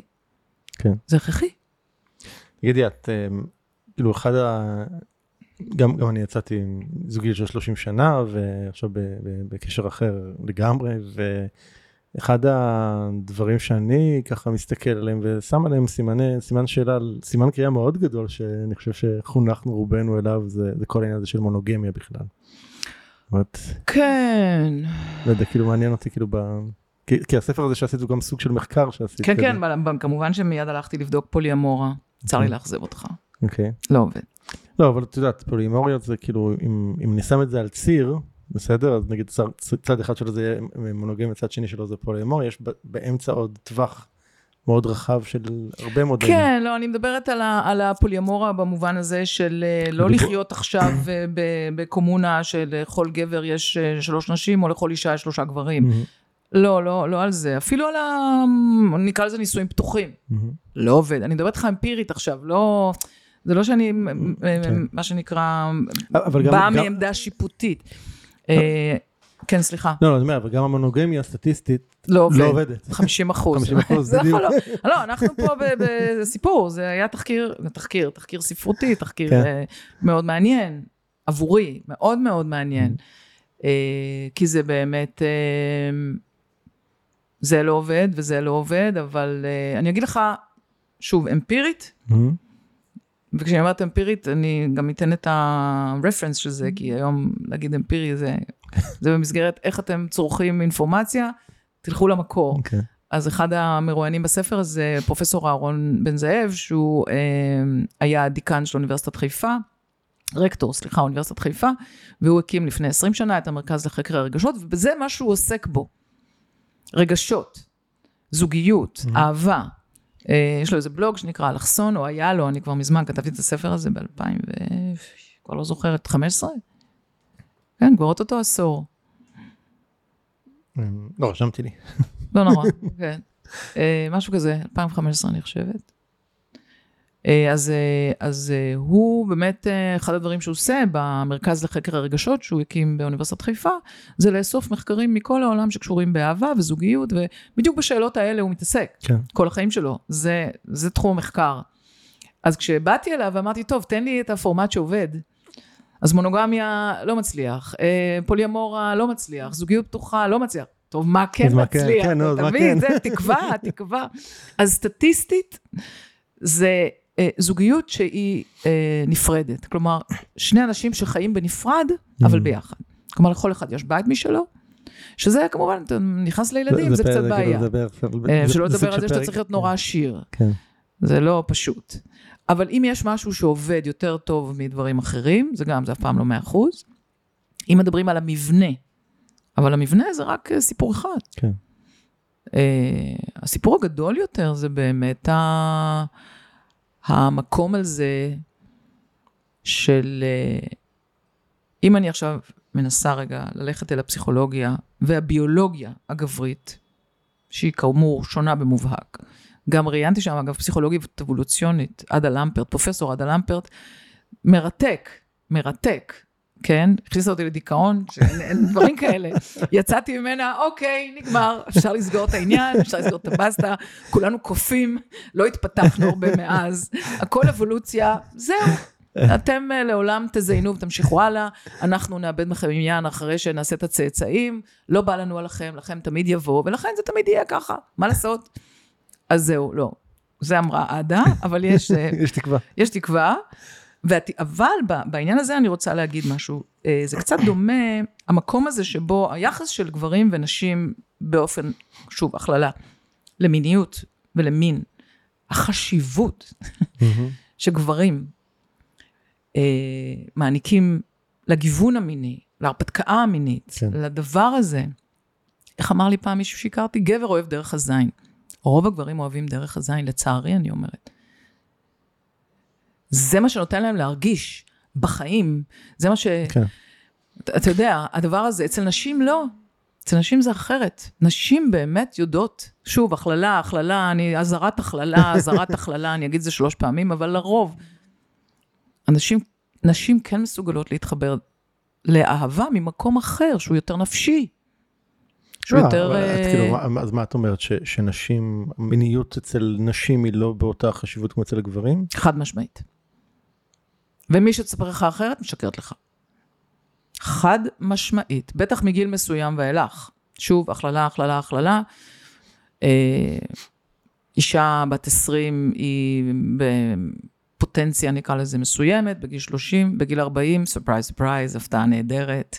בגיל 50 עוד יותר נהדר, וככה זה ממשיך. אבל, אה, אבל בגיל, אצל רוב הנשים, אצל רוב הנשים, שוב, יש סטיות, יש זה סטיות לא- תקן. אבל זה לא חלק מ- מ- מבעצם מאיך, שוב, אותה הסללה של, אני מסתכל היום נגיד על זוגות צעירים שמתחתנים, אוקיי? זאת אומרת, אחד, באמת יש את הציפייה הזאת שהתחתנו, ומיד אחרי זה יש את הציפייה שיקנו יביאו ילדים. שנייה, אה, יקנו- בית כן. משכנתה בכסף שאין להם, ואז יביאו שלושה ילדים בממוצע, כן, ועכשיו הם נכנסים למסלול שלדעתי משאיר להם פחות או יותר 0.5 אולי אחוז סיכוי לצלוח אותו עם, אה, כמו שאמרת, זוגיות אהבה ותשוקה.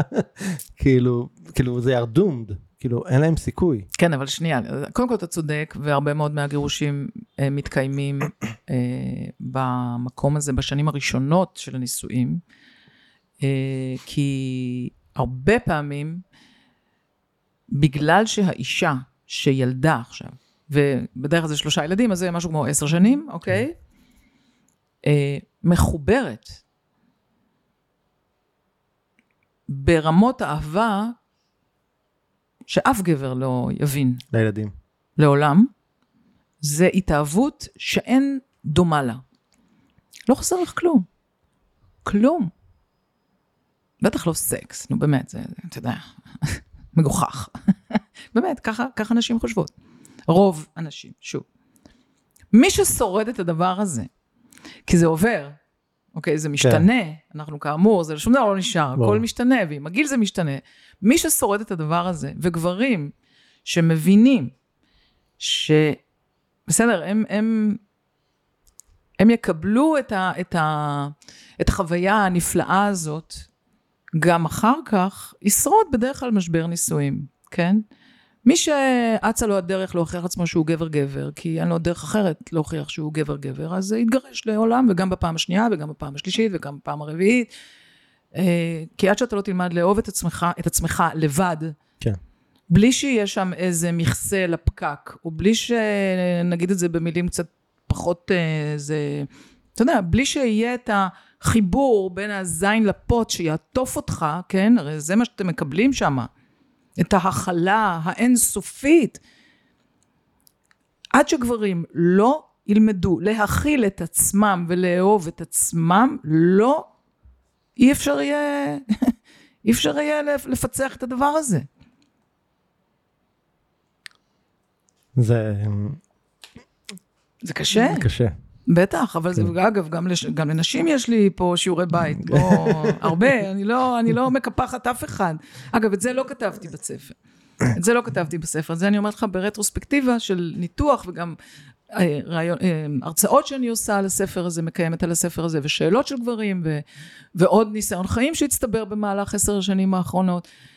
יש פה עניין עם, ה, עם האופן שבו גברים ונשים, זה מאוד חשוב, מגדירים מין ומיניות ואיזה חשיבות הם מייחסים לה וכמה היא אה, אה, מגדירה אותם, אוקיי?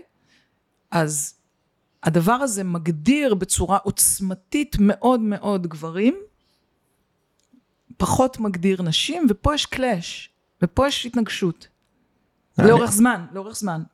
אני מסתכל על ה...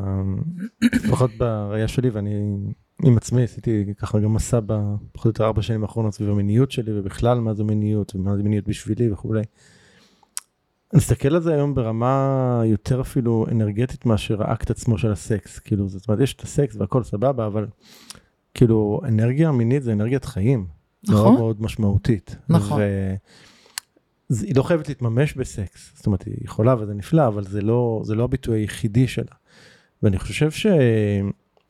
כל המסלול, המסלול הזה שקודם התוויתי אותו ככה, של, שאמרתי שאנשים, זוגות צעירים זה ארדומד, כאילו, כאילו אין להם סיכוי לשרוד אותו, וכי כי מאבדים את, ה, את, ה, את האנרגיה הזאת, זאת אומרת, הגבר ואישה זה כמו סוג שני צדדים של, של, של, של סוללה, זאת אומרת, ברגע שיש את שני הכתבים האלה, אז נוצרת הטעינה הזאת, וכשהאנרגיה הזאת קיימת, אני חושב שזה משהו שהוא מאוד משמעותי גם לנשים, לא רק לגברים. ודאי, כן. אבל אנרגיה מינית זה לא הכל בחיים. זה בדיוק העניין, זה לא מה שישמר את הזוגיות לאורך טווח, אם אתה שואל אותי עכשיו. אבל אם היא לא שם, אז אני חושב שדי, זה די יגמור את הקשר. בשביל גבר. אני חושב שגם בשביל אישה לא. בצורה מסוימת. מודיעה לך. 90% מהנשים יהיו מוכנות לחיות עם הגבר שלהם עד המוות, ללא, ללא אנרגיה ב... מינית, אלא עם חברות.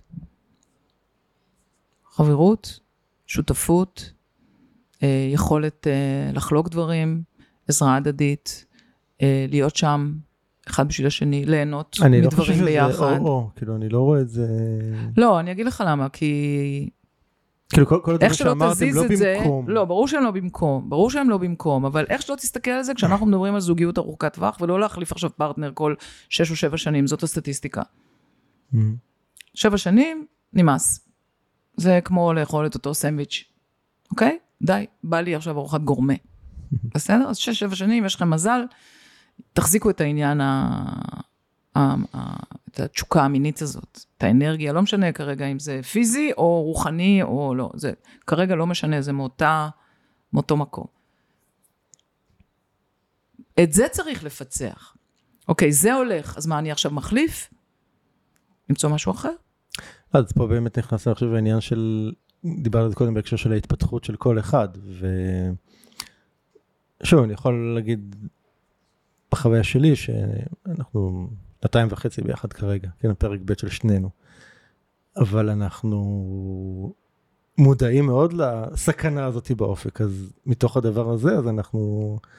מחפשים כל הזמן מה, איך, איך לחדש, להתחדש, להתנסות, לחזור. אז זהו, זה, זה וזה... פה משהו שאני, אמר לי האנליטיקאי החכם שלי כבר לפני 20 שנה,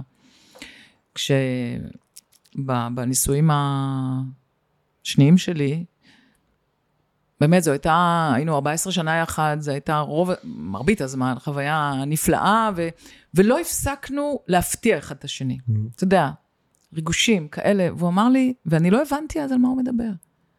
הוא אמר לי, עד מתי? תשתמשו בזה. אז לו, מה זאת אומרת? אנחנו נהנים מזה. זה מה שמפרה את הקשר בינינו. אז הוא אמר לי, אז זה לא הדרך, זו לא הדרך. להשיג קשר מהותי, להפרות, לחדד, לא, לא. זוג צריך לדעת לחיות את השעמום. Mm. משעמם. לא, זו אמירה קשה.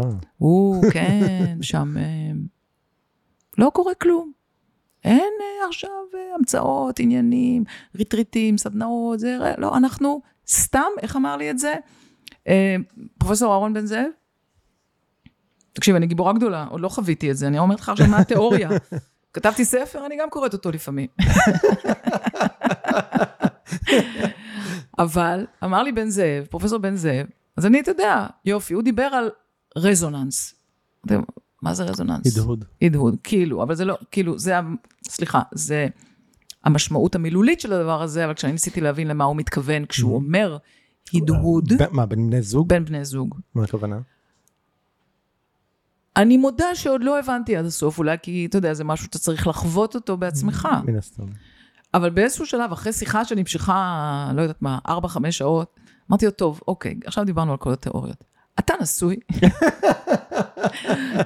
מפחד לשאול מה הייתה התשובה. לאותה אישה, כן, התשובה היא כן, הוא נשוי לאותה אישה, 40 שנה, ויש ביניהם תשוקה, וגם אהבה, וגם זוגיות, כאילו, והוא לא אה, את עצמו במקום אחר, או עם מישהי אחרת בלעדיה, היא אהבת חייו, היא אהבת נעוריו, ותהיה אהבתו, כאילו, באמת, הטקסטבוק. אמרתי לו, אז, איך, אז, מה, אז מה זה הרזוננס הזה? אז הוא לא יכול היה להגיד לי, אבל מה שהוא כן הצליח להסביר, קודם כל זה בספר, אבל הוא, זה שם מצוטט באופן מדויק, אני אצטט כרגע מהזיכרון. כלומר, כשיש משהו הכי פשוט בעולם, ששני אנשים נהנים לעשות ביחד, באופן קבוע, כל יום, לאורך שנים, וזה לא נגמר להם, זה רזוננס. אם אני יכולה לתת לעצמי, נניח אני, אני מודדת 25 שנה. אם אני עוברת יום בלי מדיטציה על הבוקר, חסר. אני נהנית מזה. Mm-hmm. אני קמה בבוקר עם מחשבה של הקפה אחרי המדיטציה. Mm-hmm. ואני, רק המחשבה על הדבר הזה, שהוא הכי רוטיני, הכי לא מעניין, מה מעניין במדיטציה? משעמם מדיטציה, כן? אתה יושב. כן. אני לא יכולה לוותר על זה. אם יש לזוג משהו כזה, אחד, לא צריך יותר, הם יחזיקו מעמד. שהם נהנים לעשות ביחד. כן. למשל, במקרה שלי, היה לי בן זוג, שנינו להפליג לנצח. Mm. אבל כפי ששמת לב, דיברתי עליו בלשון עבר. אז זה כנראה לא מספיק. אבל, אה, אבל, אבל כן, גם, גם את זה צריך, גם את זה צריך. והרזוננס הזה יכול להתגבר גם על העניין הזה של התשוקה. והתשוקה המינית, אני מתכוונת, כי יש הרבה תשוקות. כן. שאגב, מאוד חשוב לחיות על פיהן, זה גם כן תנאי הכרחי. רוב האנשים חיים, הם חיים מתים נכון. בתוך הקשר שלהם. Walking Dead. הם לא עושים מה שהם בכלל רוצים. בחיים, לא רק בתוך נכון, הקשר. נכון, כן. אבל זה, זה בדיוק, בגלל זה כל אחד צריך לטפל בעצמו, קודם כל. כי אם אתה עובד בעבודה שאתה חייב לעבוד בה, ואין לך ברירה, ואתה לא מגשים את עצמך, ואתה קם בבוקר כי חייבים וזה וזה וזה, אז נו, גם אשתך לא תעניין אותך, וה, וההפך. כן. ואתה תחפש ריגושים במקום אחר, שזה מה שקורה רוב הזמן. אמ, הזכרת קודם את אבא שלך, ואת בת לאבא שהוא אה, ניצול שואה, אה, ובספר בעצם, אה, אחד הדברים אני חושב מעניין, לי היה מעניין, כי יכולתי גם להתחבר לזה, גם, גם אבי, וכאילו שאת לא, לא ידעת בכלל על החוויות שלו עד גיל מאוד מאוד מאוחר. כן. והסיבה שהתחברתי, כי גם אבא שלי מעולם, אני לא, אני הבן הצעיר, כאילו, לו שני אחים גדולים, מעולם לא שמעתי אותו מדבר על השואה, כאילו, פעם היחידה שפתאום שמעתי אותו מדבר על זה, זה כשעשינו טיול שורשים בבודפסט, ופתאום הוא לקח אותנו לכל המקומות כן, והראה לנו. כן. ואיך איך את חושבת שכאילו החוויה הזאת היא עיצבה אותך, השפיעה עלייך? היא הפכה לי את החיים. אני חושבת ש... אני זוכרת, גיליתי את זה באנליזה, דרך אגב, וזה בעקבות- כמו היה... בעקבות חלומות שהיו לך. בעקבות חלומות, כן, באנליזה בעיקר, לא בעיקר, אבל הרבה מאוד עובדים עם ניתוח חלומות. אמ, זה היה כמו, כמו לא לראות שמש בשמיים, עד כדי כך. כלומר, כל תמונת עולמי התהפכה עליי. אז גם הבנתי שהגעתי לעיתונות, לא במקרה, למה? תחברי לי רגע את הנקודה. כי מה? אה, כי הייתה שם איזו שיחה בגיל אה, 16, אני יודעת, לא הייתי בקשר עם אבא שלי, רוב השנים היינו בקשר, כעסתי עליו נורא, הכל בספר. אבל כן זכורה לי שיחה אחת של, אוקיי, דרכנו, פנינו לאן, מה תעשי, וכאלה Mm. וכאלה, בגיל 16 או משהו כזה, ולא היה לי שמץ של מושג מה אני אעשה, מה אני אעשה, ואז אה, כמובן דיבר קודם כל על פוליטיקה, הוא חשב שאני ממש מתאימה להיות ראש ממשלה, משהו שולי כזה. עבר לך בראש פעם? מעולם, גם לא, גם לא פוליטיקה, למרות שהציעו לי, זה לא הרף, להיכנס לפוליטיקה, לא, זה, זה אני ידעתי מהיום הראשון שזה לא בשבילי. אני ממש, ממש, ממש לא הפרסונה שלי. זה, שאלת אותי, מי זאת אושרת? זאת לא האישה לא. מהטלוויזיה. אוקיי. כלומר, היא כן, היא גם, אבל לא, היא בין, היא, אני, אני לחלוטין אה, יותר מדי רגישה, יותר מדי, אין לי אור של פיל, Mm. אין לי, תמיד אין לו, הכל ללב, הכל אישי, הכל תמיד, אה, הכל אישי. שפוליטיקאי לא יכול לא, לא לשרוד ככה יותר מדקה. לא, גם לא איש עסקים. מהחנייה למשכן הוא הוא כבר כן. נגמר. כן, גם לא איש עסקים, דרך אגב, או אשת עסקים, גם נכון. בגלל זה היה לי ברור שאני אשת כן. עסקים לא הולכת להיות. לא, אני לא קשוחה, ממש Mm. לא. שמתי על עצמי את חליפת הקשיחות, כי זה מה שהתפקיד דרש. כן. וברגע שיכולתי לבעוט את זה, וזה התחיל בגיל 2007, אז הייתי בן אדם הרבה יותר מאושר. אה, אבל כן, ואז, ואז הזכרתי, אתה יודע, באנליזה, אתה מדבר, אה, רגע, זה וזה, אה, בעצם הוא אמר ככה, וואלה, זה, שום דבר לא מקרי. שום דבר לא מקרי, זה... כאילו, אם יש, אתם הורים לילדים, תיזהרו, כאילו, מה שאתם אומרים לילדים שלכם בגיל צעיר, וואלה, זה יושב אצלם, נכנס להארד דיסק ומתפרץ. שימו לב, למזלי, הוא גם אמר לי בגיל 6, שזה מוקדם יותר, כשהוא אה, ניגר לי את המכתבייה הראשונה שלי לפני שהלכתי לכיתה א', וקבע לי חלון כזה במרפסת מול הים, כי גרנו בבת ים, ואז הוא אמר לי, "אה, את תוכלי לשבת פה, וכשתדעי לכתוב, אז, אה, אז תוכלי להיות אולי אה, סופרת, וואלה. כמו ארנסט המינגווי. וואלה. מזל שהוא אמר את זה לפני. והנה, יצא. ספר רביעי יצא, ספר חמישי מתבשל, ואני נהנית, מ- כלומר, נהנית. עכשיו אני סובלת מהכתיבה, אבל אוקיי. לא, לא, למה סובלת? מה ההיבט של הסבל בכתיבה? כי אני הפעם, אה, הפעם אני לא מסתתרת. כלומר? הספר הראשון היה, אמרתי לך איך הוא, איך, איך הוא נולד, הוא לא כן. נולד להיות ספר. כן. הוא מראש נכתב כמסמך עבור עצמי. Mm, הספר השני היה רומן, איז'מיה, אה, שתמיד יש לו כמובן חיבור למציאות, והמציאות כן. היא תמיד משמשת כ- כ- כחומר ביד היוצר, מה שנקרא, אבל הוא לא ספר אה, אוטוביוגרפי. אה, הספר השלישי היה ספר עיון, שהרגשתי צורך אז, כי השאלה הזאת עניינה אותי באופן אישי, ואני הייתי תקועה עוד פעם על הגג של עיריית תל אביב, עם טילים שעפים ואני מדווחת על הדבר Mm. הזה שרק ניסיתי להימלט ממנו, אז אמרתי, טוב, נעשה לעצמי טובה ונכתוב ספר על אהבה. ואז גיליתי שגם בתוך אהבה יש קרב לא קטן. אמ, והספר שוב היה רומן, רומן מסעות, רומן הפלגות, ברוח הזאת, שיצא לפני שנתיים, שזה כל חוויות, אבל גם שם יצרתי דמויות, כלומר, שוב, החיים הם חומר גלם, והדמות, אני מסתתרת מאחורי דמות, הפעם אני לא מסתתרת. אז מה, מה זה אומר? מה את יכולה לגלות? אני לא יכולה לגלות. לא יכולה לגלות, כי פעם אחת יותר- אני בכלל לא, אני בכלל לא משוכנעת שאני אפרסם אותו, באמת. זאת הדרך היחידה כן. לכתוב. אם אני... אה, אגב, יש, אה, יצא לקרוא, אה, בטח מכירה את הספר של סטיבן קינג על הכתיבה.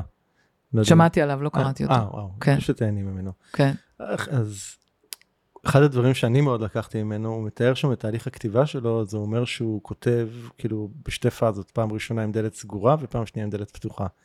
דלת סגורה זה די מזכיר את מה שתיארת על הספר הראשון, זאת אומרת אני כותב ואף אחד לא יראה את זה לעולם.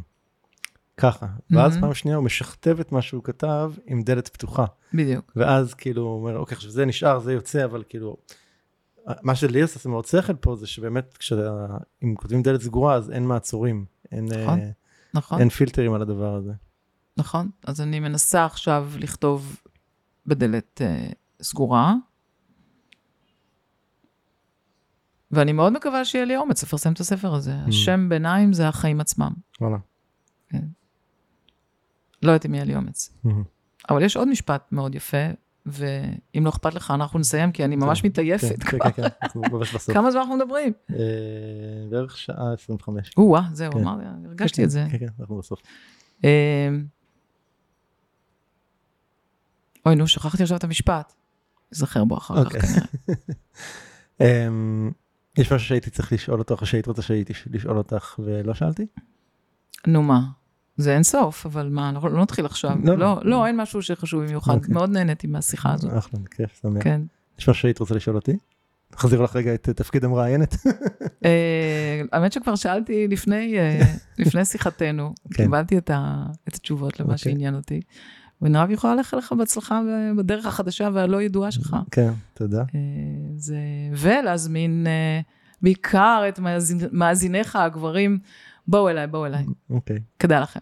אז אה, כדאי איך- לכם, איך צריך, צריך... הכי אה, קל אה, למי שרוצה, איך... אה, לעקוב אחרי העמוד שלי בפייסבוק. אושרת קוטלר, זה העמוד המקצועי שלי.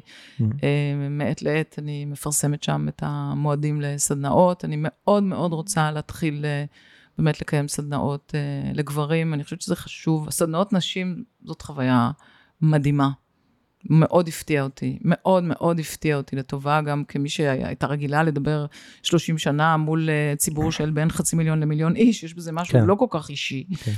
ופתאום כשהם מתקבצים אצלי פה בסלון, בין. אה, שמונה לעשר נשים, זרות מוחלטות, זרות מוחלטות, ונוצר איזה קשר, bonding, שהוא הרבה יותר עמוק ממה שהיית מצפה למשהו שנמשך יום אחד בסך הכל.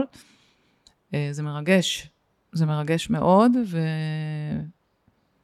והן מאוד, הן, הן וגם אני מאוד מרוצות מהתוצאה, ודי, די, אה, אנחנו צריכים להשתנות, כן. וגם הגברים, הגיע הזמן, הגיע הזמן אה, למצוא את המקום הרך הזה יותר בפנים, כי זה... אה, בקיצור, הרבה, הרבה מאוד שנים, אני אומרת את זה כ, כמי שהלכה למקום הגברי מאוד במקצוע מהמם. שלה. אני חושבת שיש אה, יכולות, יתרונות אה, מאוד גדולים לגבריות. מהמם. הרי בכולנו יש גם, גם זה, גם וגם. וכאישה, כשהגעתי למקצוע מאוד גברי, אז נדרשתי להיות מאוד גברי, כלומר, יותר אסרטיבית, כן. יותר אה, ביצועיסטית, יותר אה, מגדירה מטרות ולא רואה בעיניים עד שאני משיגה אותן, כזה, זה מאוד עזר לי בחיים, נכון, זה מאוד עזר לי בחיים. אבל כשהרשיתי לעצמי לעזוב את זה, להוריד את החליפה, ולהתחבר וללמוד ולהכיר את המקום הרך, את המקום הפגיע, את המקום הלא יודע, את המקום ה... זה שצריך להישען ושיכול לבכות. אני פיטרתי את עצמי כשבכיתי בשידור Mm. ב-2004, פיטרתי מה- את עצמי. מה שהתחיל בעצם את כל מה ה- שהתחיל סיפור שמתחיל כן. בדמעות, כן, פיטרתי את עצמי. כי אמרתי, אוי ואבוי, איזה כישלון. אז בגלל שעברתי מה שנקרא את הסוציאליזציה הגברית בשלושים שנה האחרונות, ואני ב... נאמר 15 שנה האחרונות עושה את, ה, shift. את ה shift ההפוך, כאישה, אני עכשיו אומרת לך, כן. אני ממש מזמינה גברים למצוא את החלק הנשי הרך בתוכם, ו- וללמוד לעבוד איתו, כי יש לו יתרונות מאוד גדולים, מאוד אני- גדולים. אני, אני יכול רק לחזק, אני כגבר שעבר תהליך כזה, כן, עבר עובר, כן. לא נגמר. אמ, אני, אני גם כן הייתי מאוד, אני חושב שגברים מאוד, מאוד פועלים מהשכל, מה mind, מאוד מאוד. רגש אצלי הוא היה עניין מנטלי. זאת אומרת, הייתי יודע שעכשיו אני אמור להיות שמח ועכשיו אני אמור להיות עצוב כזה. וברגע שנפתח לי עולם רגשי, זה מקום אחר לגמרי. עכשיו, את יודעת, כנראה שלא קיבלנו גם שכל וגם רגש, זה, לא, יש קיבלנו. מקום לשניהם, בדיוק. זהו, כן, קיבלנו, רק זה- צריך לדעת איך לעבוד להשתמש איתם. איתם, בדיוק. כן, זה לא, זה לא בא אחד על חשבון לא, לא, השני. ממש פשוט לא. צריך לדעת איך לעבוד, זה עוד כלי. לגמרי. אני באמת חושבת שאלמלא אימוץ התכונות הגבריות האלה של אה, כל מה שציינתי קודם, אה, יכול להיות שהייתי מצליחה פחות בקריירה שלי. זה מה שכנראה נדרש שם. כן. לעומת, ואז כשהייתי, אה, מה שנקרא, בפוזיציה חזקה מספיק כדי להגיד, אוקיי, עד עכשיו, זה, אני גם יודעת מתי זה היה, זה היה ב-2007, עד עכשיו התנהגתי כמו שאתם חושבים שצריך, כאילו, גברית, אסרטיבית, טה-טה-טה-טה, מרפקים, עניינים, לא משנה, לא היו לי אף פעם, אבל היה נדמה שצריך. אז מעכשיו, אני, אני אה, מנסחת את החוקים, ומאז שאני התחלתי לנסח את החוקים, ובאמת להתחבר ל, ל, לעוצמות הנשיות שלי, לעוצמת הרכות, יש עוצמה גדולה מאוד ברכות. נפתח בפניי, קודם כל, עולם שלם ונהדר ונפלא, ואני בן אדם הרבה יותר שמח ומאושר, אה, וגם יכול להתמודד עם יותר דברים, כי פשוט יש לי עוד כלי. לא הראיתי, אף אחד לא מכיר אותם. על זה הספר. לכן אני שואלת אם... לי- אה, והנה המשפט לסיום. כן. כשאתה משיל גבולות גוף נפש בינך לבין האחרים, מגיע הסאטורי. זה אחד מחמש או שש או שבע המלצות למדיטציה על פי אה, דוגן, אותו אה, מורה זן יפני, של מה זה מדיטציה. אז אחד המדיטציה לא כעכשיו בוא נשב ונהיה בודה, אלא זה איך לחיות בעצם, מה האתיקה של החיים. אז להשיל גבולות ונפש ביני לבין האחרים, זה יעשה את כולנו הרבה יותר מאושרים, ואם אני אצליח בזה, אז אנחנו נדבר גם על הספר הבא בעוד, אה. לא יודעת כמה זמן, מתי שייקח. טוב, אז רק שאלה אחרונה כעיתונאית הפעם, יאללה. אוקיי? איזה כותרת היית נותנת לפרק הזה? אף פעם לא אהבתי את זה, וזה תמיד דורש מחשבה רבה. אבל אני מבטיחה לחשוב על זה, כי ברצינות, אתה רוצה שזה, אוקיי. ואז אנחנו ניתן את הכותרת, אוקיי, והיא. תופיע ותגיד, אושרת אמרה. אולי נקרא לזה בצחוק, מה שהיא אמרה. לא. סתם, סתם. טוב, אה, אשרת, היה לי ממש כיף. אז תודה. המון תודה על ההזדמנות. תודה לך. והרבה בהצלחה בכתיבה ובסדנאות ובכלל. תודה רבה. להתראות. זהו, עד כאן לפרק של היום. אם אהבתם את הפרק, אל תשכחו לדרג אותנו, אל תהיו קמצנים, תנו לנו כמה כוכבים, iTunes, Spotify, Google Podcast, YouTube, איפה שאתם לא מאזינים. אני מאוד מקווה שהרווחנו לפחות חמישה כוכבים מכם. תוכלו למצוא באתר הפודקאסט doingchange.co.il את כל הכישורים הרלוונטיים לפרק הזה. שם גם תוכלו להירשם לפודקאסט ולקבל מאיתנו תזכורת בכל פעם שעולה פרק חדש, וגם ממני הרבה מאוד תכנים מעניינים שקשורים לעולם השינוי, התפתחות אישית, עסקית וכל מה שאתם רוצים. פשוט תיכנסו לאתר doingchange.co.il ותוכלו לקבל הכל שם. אני מזמין אתכם גם לכתוב לי תגובות, מה אהבתם, את מי תרצו לשמוע בפרקים הבאים, או כל הערה והערה אחרת שיש לכם, מוזמנים לשלוח אליי ישירות למייל פידבק את ערנסטרן.co.il פידבק את ערנסטרן.co.il אפשר גם בפייסבוק שלי, facebook.com/ערן.סטרן, או באינסטגרם, פשוט חפשו ערן סטרן מילה אחת באינסטגרם. אם אהבתם את הפרק, אל תשאירו את כל הטוב הזה רק עבורכם. בטוח שיש לכם חברים שגם הם רוצים שינוי, שתפו איתם, שלחו להם את הפרק הזה. ומילה אחרונה, אם אתם מרגישים את השינוי בוער בכם, אם החלטתם שאתם רוצים שינוי ומוכנים לעשות את מה שצריך ולא את מה שנוח, כדי ליצור את השינוי בחיים שלכם, אני מזמין אתכם לבחון, אולי תוכלו להיעזר בי. זה יכול להיות בפגישת מיקוד חד פעמית שתעזור לכם להתמקד ולקבל כיוון, או תהליך עמוק יותר. תוכלו לקרוא פרטים נוספים על כך באתר שלי, ערנסטרן.co.il. בתפריט העליון פשוט תבחרו במה אני יכול לעזור לך, ככה זה מופיע באתר, ערנסטרן.co.il. זהו להיום, אני רן שטרן, שמח שהאזנתם ונשתמע בפרק הבא.